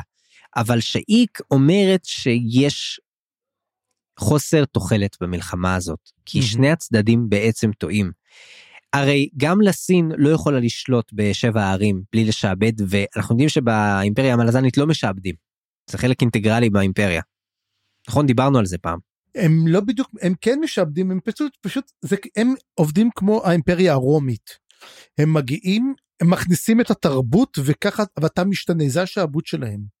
כן, לא, זה, אבל זה לא, אתה, אני מסכים, זה לא אבל, זה לא שיעבוד ישיר, זה סוג של, כן, משהו עקיף כזה, סוג של התייוונות כזאת, כן, אבל של, של ההלניזם, יותר הייתי אומר, לא האימפריה הרומית, אבל יש להם גם עניין של אה, לפתוח את ה... לח, לחייב אותם לעשות מסחר, משהו כזה, Mhm. אבל אין להם שיעבוד כאילו שאתם תהיו ה... ה אמ, עבדים שלנו וכזה לא. סטייט, או לא משהו קיים. כזה. את זה אין להם. אבל שבע ערים מעול, אף פעם לא ייכנעו לגמרי. וזאת הבעיה בעצם. אז זה מה שאומרת שאי אפשר באמת, לסין לא יכולה באמת לנצח, וגם דריז'נה לא יכולה לנצח, היא גורם זר. היא לא חלק אינטגרלי מררקו, היא בעצם במובן מסוים היא אויבת של ררקו. כי היא השתלטה, מכל האלים הקדומים האלה, היא השתלטה על האזור, ועכשיו היא כאילו מנסה להשתמש בקרעים של קורל דה מורלן כדי להפוך להיות אלה אמיתית. אז יש פה בעצם אה, באמת בלאגן, ומצד שני גם צופה בסצנה של ניל, ונדר בטקס שלהם מהצד Mhm. השני והיא מאוד נבהלת שייק. זאת אומרת האס של תבורה הוא חתיכת אס חזק, שייק אה, חושדת שזה יכול להיות מאוד בעיה בשבילה, והיא מזכירה איזה שהן נשמות שהולכות ומתנתקות משלשלות הצללים שלהן, וזה הכוונה בעצם לנשמות העתיקות ש... של. שהולכות כן. עכשיו להצטרף לקרב. ואני מאוד אהבתי כי, את הקטע הזה כי מדובר בעצם על, על שוב על chains ועל על house. אז יש לנו עוד משמעות ל house of chains שהיא לא מה שחשבנו. וזאת כנראה המשמעות האמיתית, כי אני לא רואה פה בכלל את ה-house of chains זה הוא. זה בעצם house of chains זה ררקו. הוא בית השלשלות האמיתי, כי למעשה נכון. הוא כובל את כל הנשמות העתיקות אליו, הוא כובל בעצם את כל העולם. זה גם השם של החלק. נכון. ו- והוא אוהב לעשות את זה שבחלק מתישהו מבינים על מה החלק באמת מדבר. אז בית, ה- בית השלשלאות פה זה לא האל הנכה כנראה, אלא מהמם. באמת ררקו או כינוי אמיתי, ומה שעומד מאחורי ררקו. וגם יש פה, עוד מדובר פה על מתוק, כן? שהוא השומר ראש שלה, שלאומן כן. השאיר. עכשיו הוא בעצם לאומן הוא חושב שהוא היחידי שמסוגל לעשות משהו ולמעשה שהוא שולח את קורב הוא שולח אותו אל מתוק הוא לא שולח אותו למישהו אחר. ומתוק אומר פה דברים מאוד מאוד חכמים, והוא כנראה היחיד שמבין פה באמת מה קורה. הוא באמת עומד על ה... הוא, הוא קולט שהולך להיות פה טבח. הוא אומר, מסתכל על ההיערכות של הכוחות של אה, תבורת, והוא אומר, זה לא נראה לך קל מדי? תסתכלי רגע על קורבול אדום, זה לא נראה לך שהוא בטוח שהוא הולך לנצח בקלות עכשיו? כנראה שהולך לקרות פה טבח, ו- והיא לא מקשיבה לו. וזו. פשוט טרגדיה, כאילו לדעתי מתוק מסמל פה באמת את הטרגדיה שהולכת לקרות, כי הוא מבין מה קורה ו- ולא קורה עם זה כלום. עושה, עושה קסנדרה בקיצור. כן. וזהו בעצם ברגע בזמן שמסתכלים על זה אנחנו עוברים לנקודה של לבוריק שמתכנן באותו לילה כבר לעשות ויברח והוא לק... ורוצה לקחת איתו את, את מי והוא אומר שהוא כבר ייקח את אה, את סילרה והם ילכו יחד את פליסין ויברחו משם. כמה מצליח בורק לצאת מהבית שלו? לא מצליח. ברגע שהם יוצאים מתחילים כבר לשמוע את השירים, ותוך כדי זה מגיעים מתנגשים מכל הצדדים ותוקפים אותו. ובורק אה, נפגע, נפגע קשה אפילו גם כן.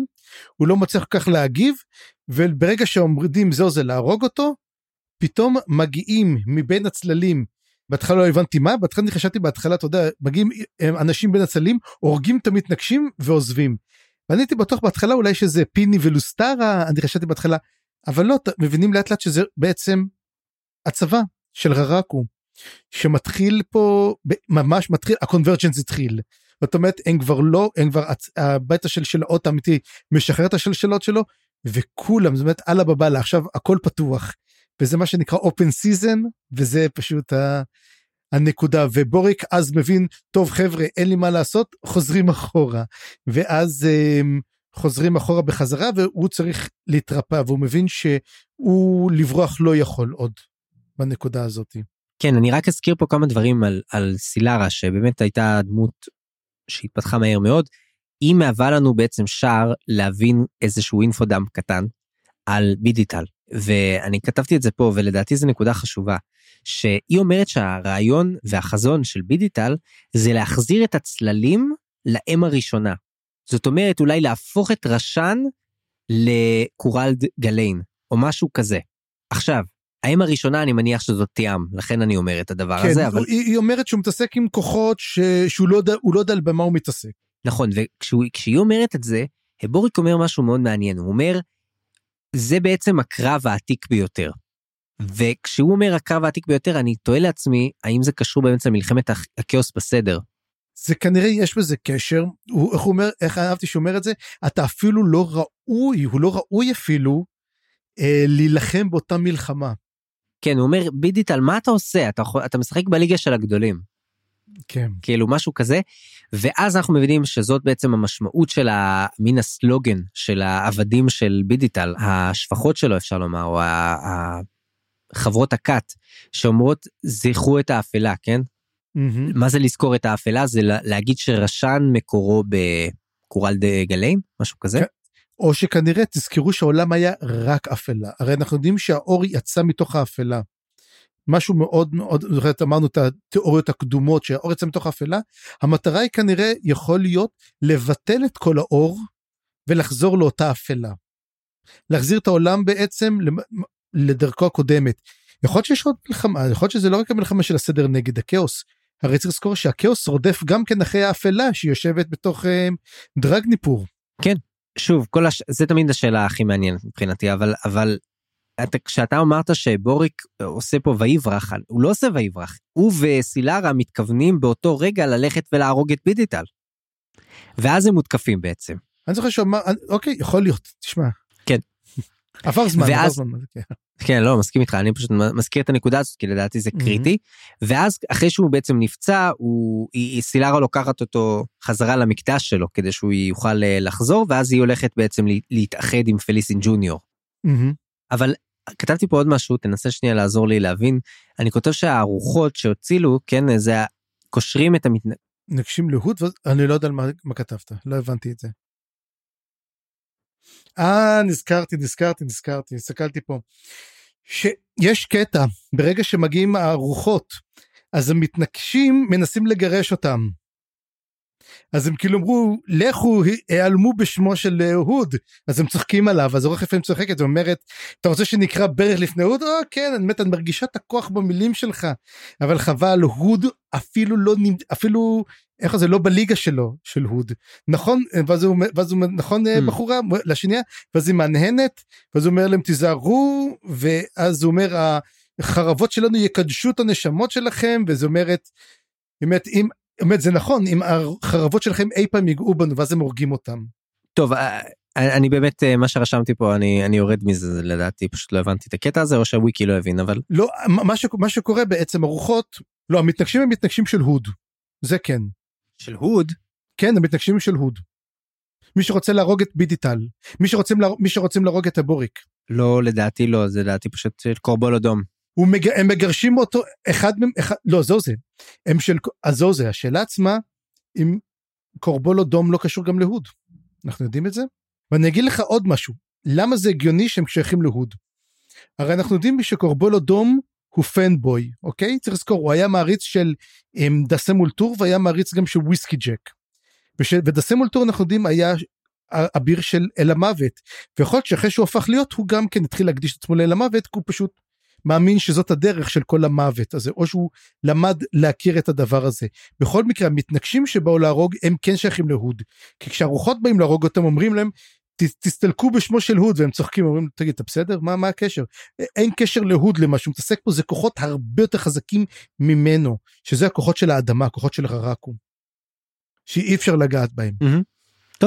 אז זה בעצם העניין ועכשיו מתחילים את ההכנות uh, לקרב ושאיק מתכוננת להילחם והיא מסתכלת על השריון של uh, קודמתה בתפקיד של השאיק האמיתית ולאוריק נמצא איתה והם אומרים זהו זה um, זה הסוף.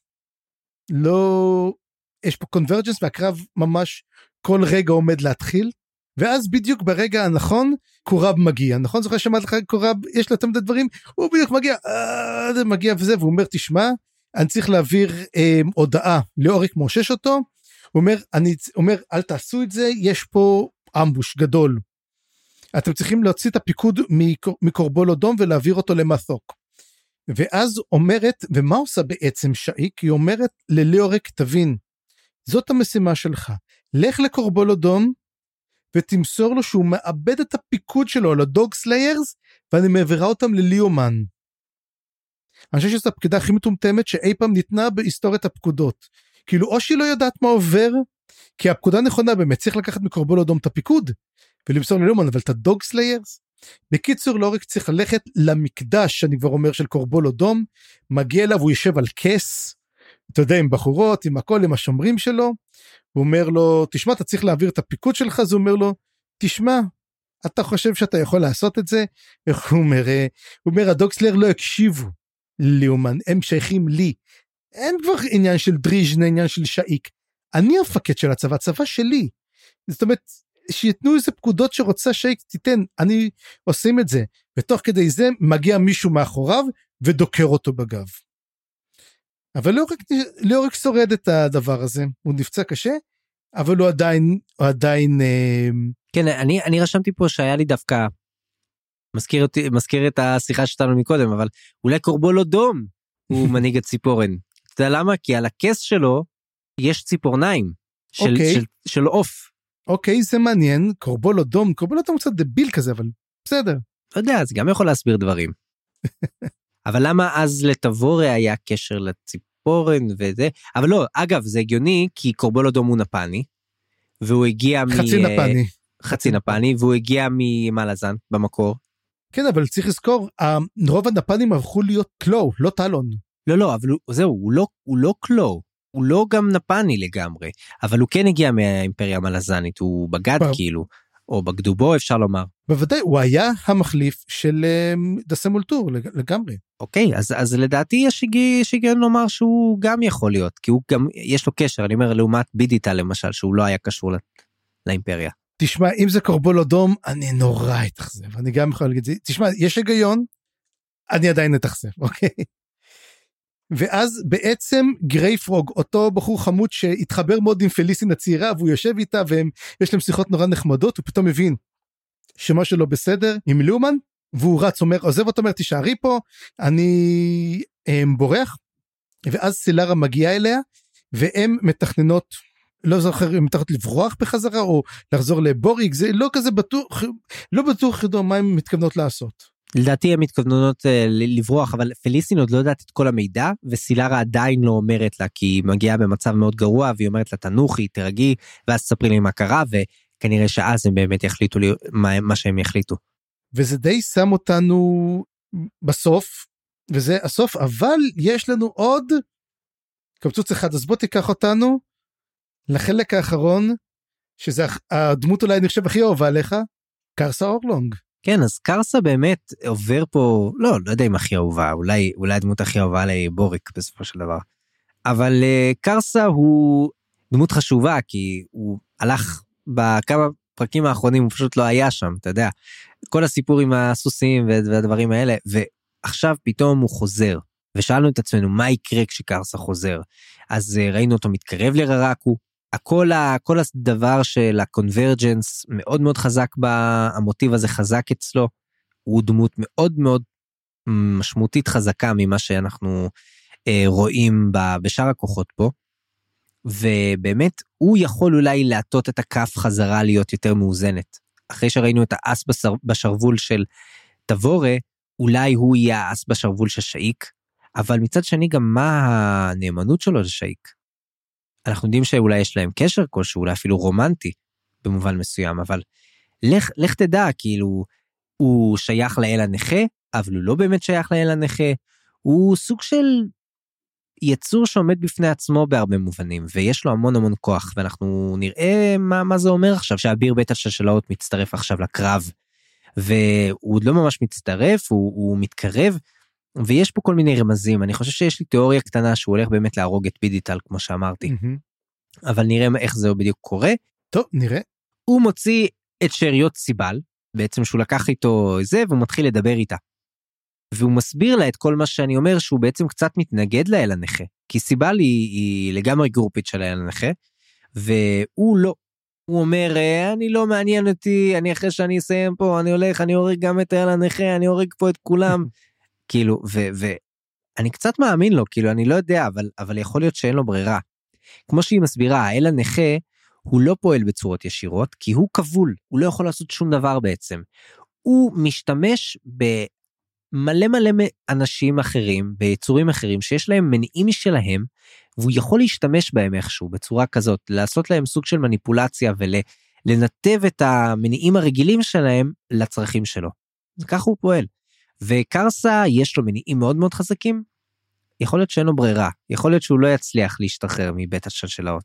אגב, מה שהצחיק אותי בכל הקטע עם סיבל, זה אמרו, חשבנו שהוא הרג את סיבל.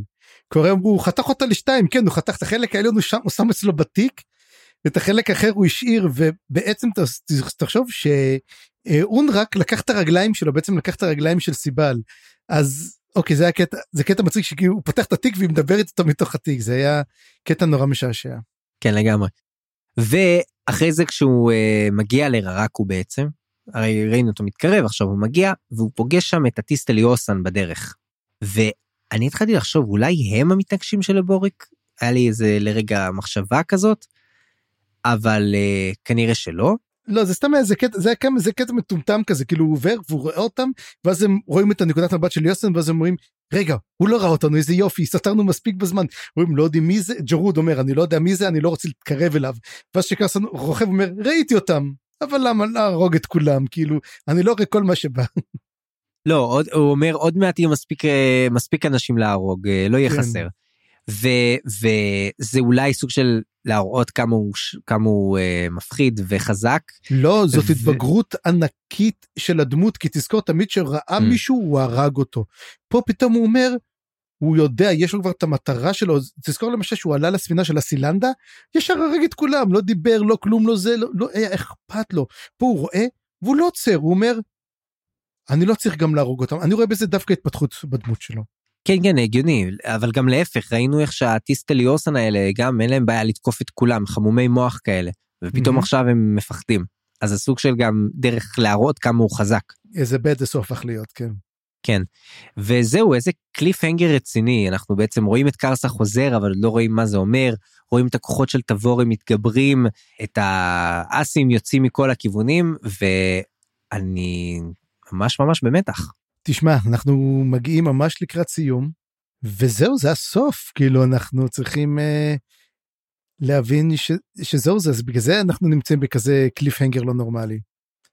למרות שתבין איזה מה שאומרים ואז מי זה היה וכאילו שלוש נקודות. לא זה זה פשוט אתה יודע um, הייתי צריך לעצור את עצמי פשוט לא לקרוא את הפרקים הבאים אתה יודע. כבר כבר היה לי כבר זה צ'פטר 25 לסגור זה, זה קשה כזה נו באמת טוב נסגור כי זה צריך לקרוא השבוע. אז uh, מקווים שאתם uh, מתרגשים כמונו ומתכוננים כבר לפרקים האחרונים של הספר ולפרק האחרון של הפודקאסט בפרק הבא שלנו אנחנו בעצם נסיים את הספר אז uh, לא של הפודקאסט, של העונה שלנו. של העונה של הפודקאסט, כן, כן. עונה רביעית, וואו, אנחנו, תשמע, ברגע הזה אנחנו עברנו את בהשלמה עונת רביעית, עברנו את סטארטרק, הגיע רק לשלוש עונות סטארטרק, אנחנו ארבע עונות.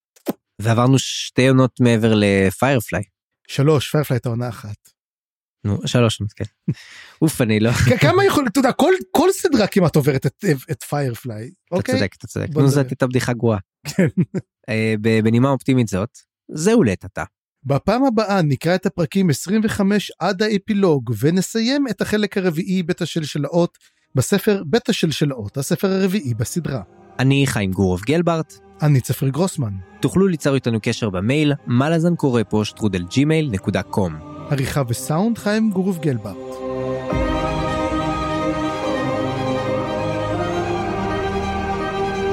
הצטרפו אלינו לדיונים בקבוצת הפייסבוק, מה לזן קבוצת קריאה. תודה שהאזנתם, וניפגש בפרק הבא.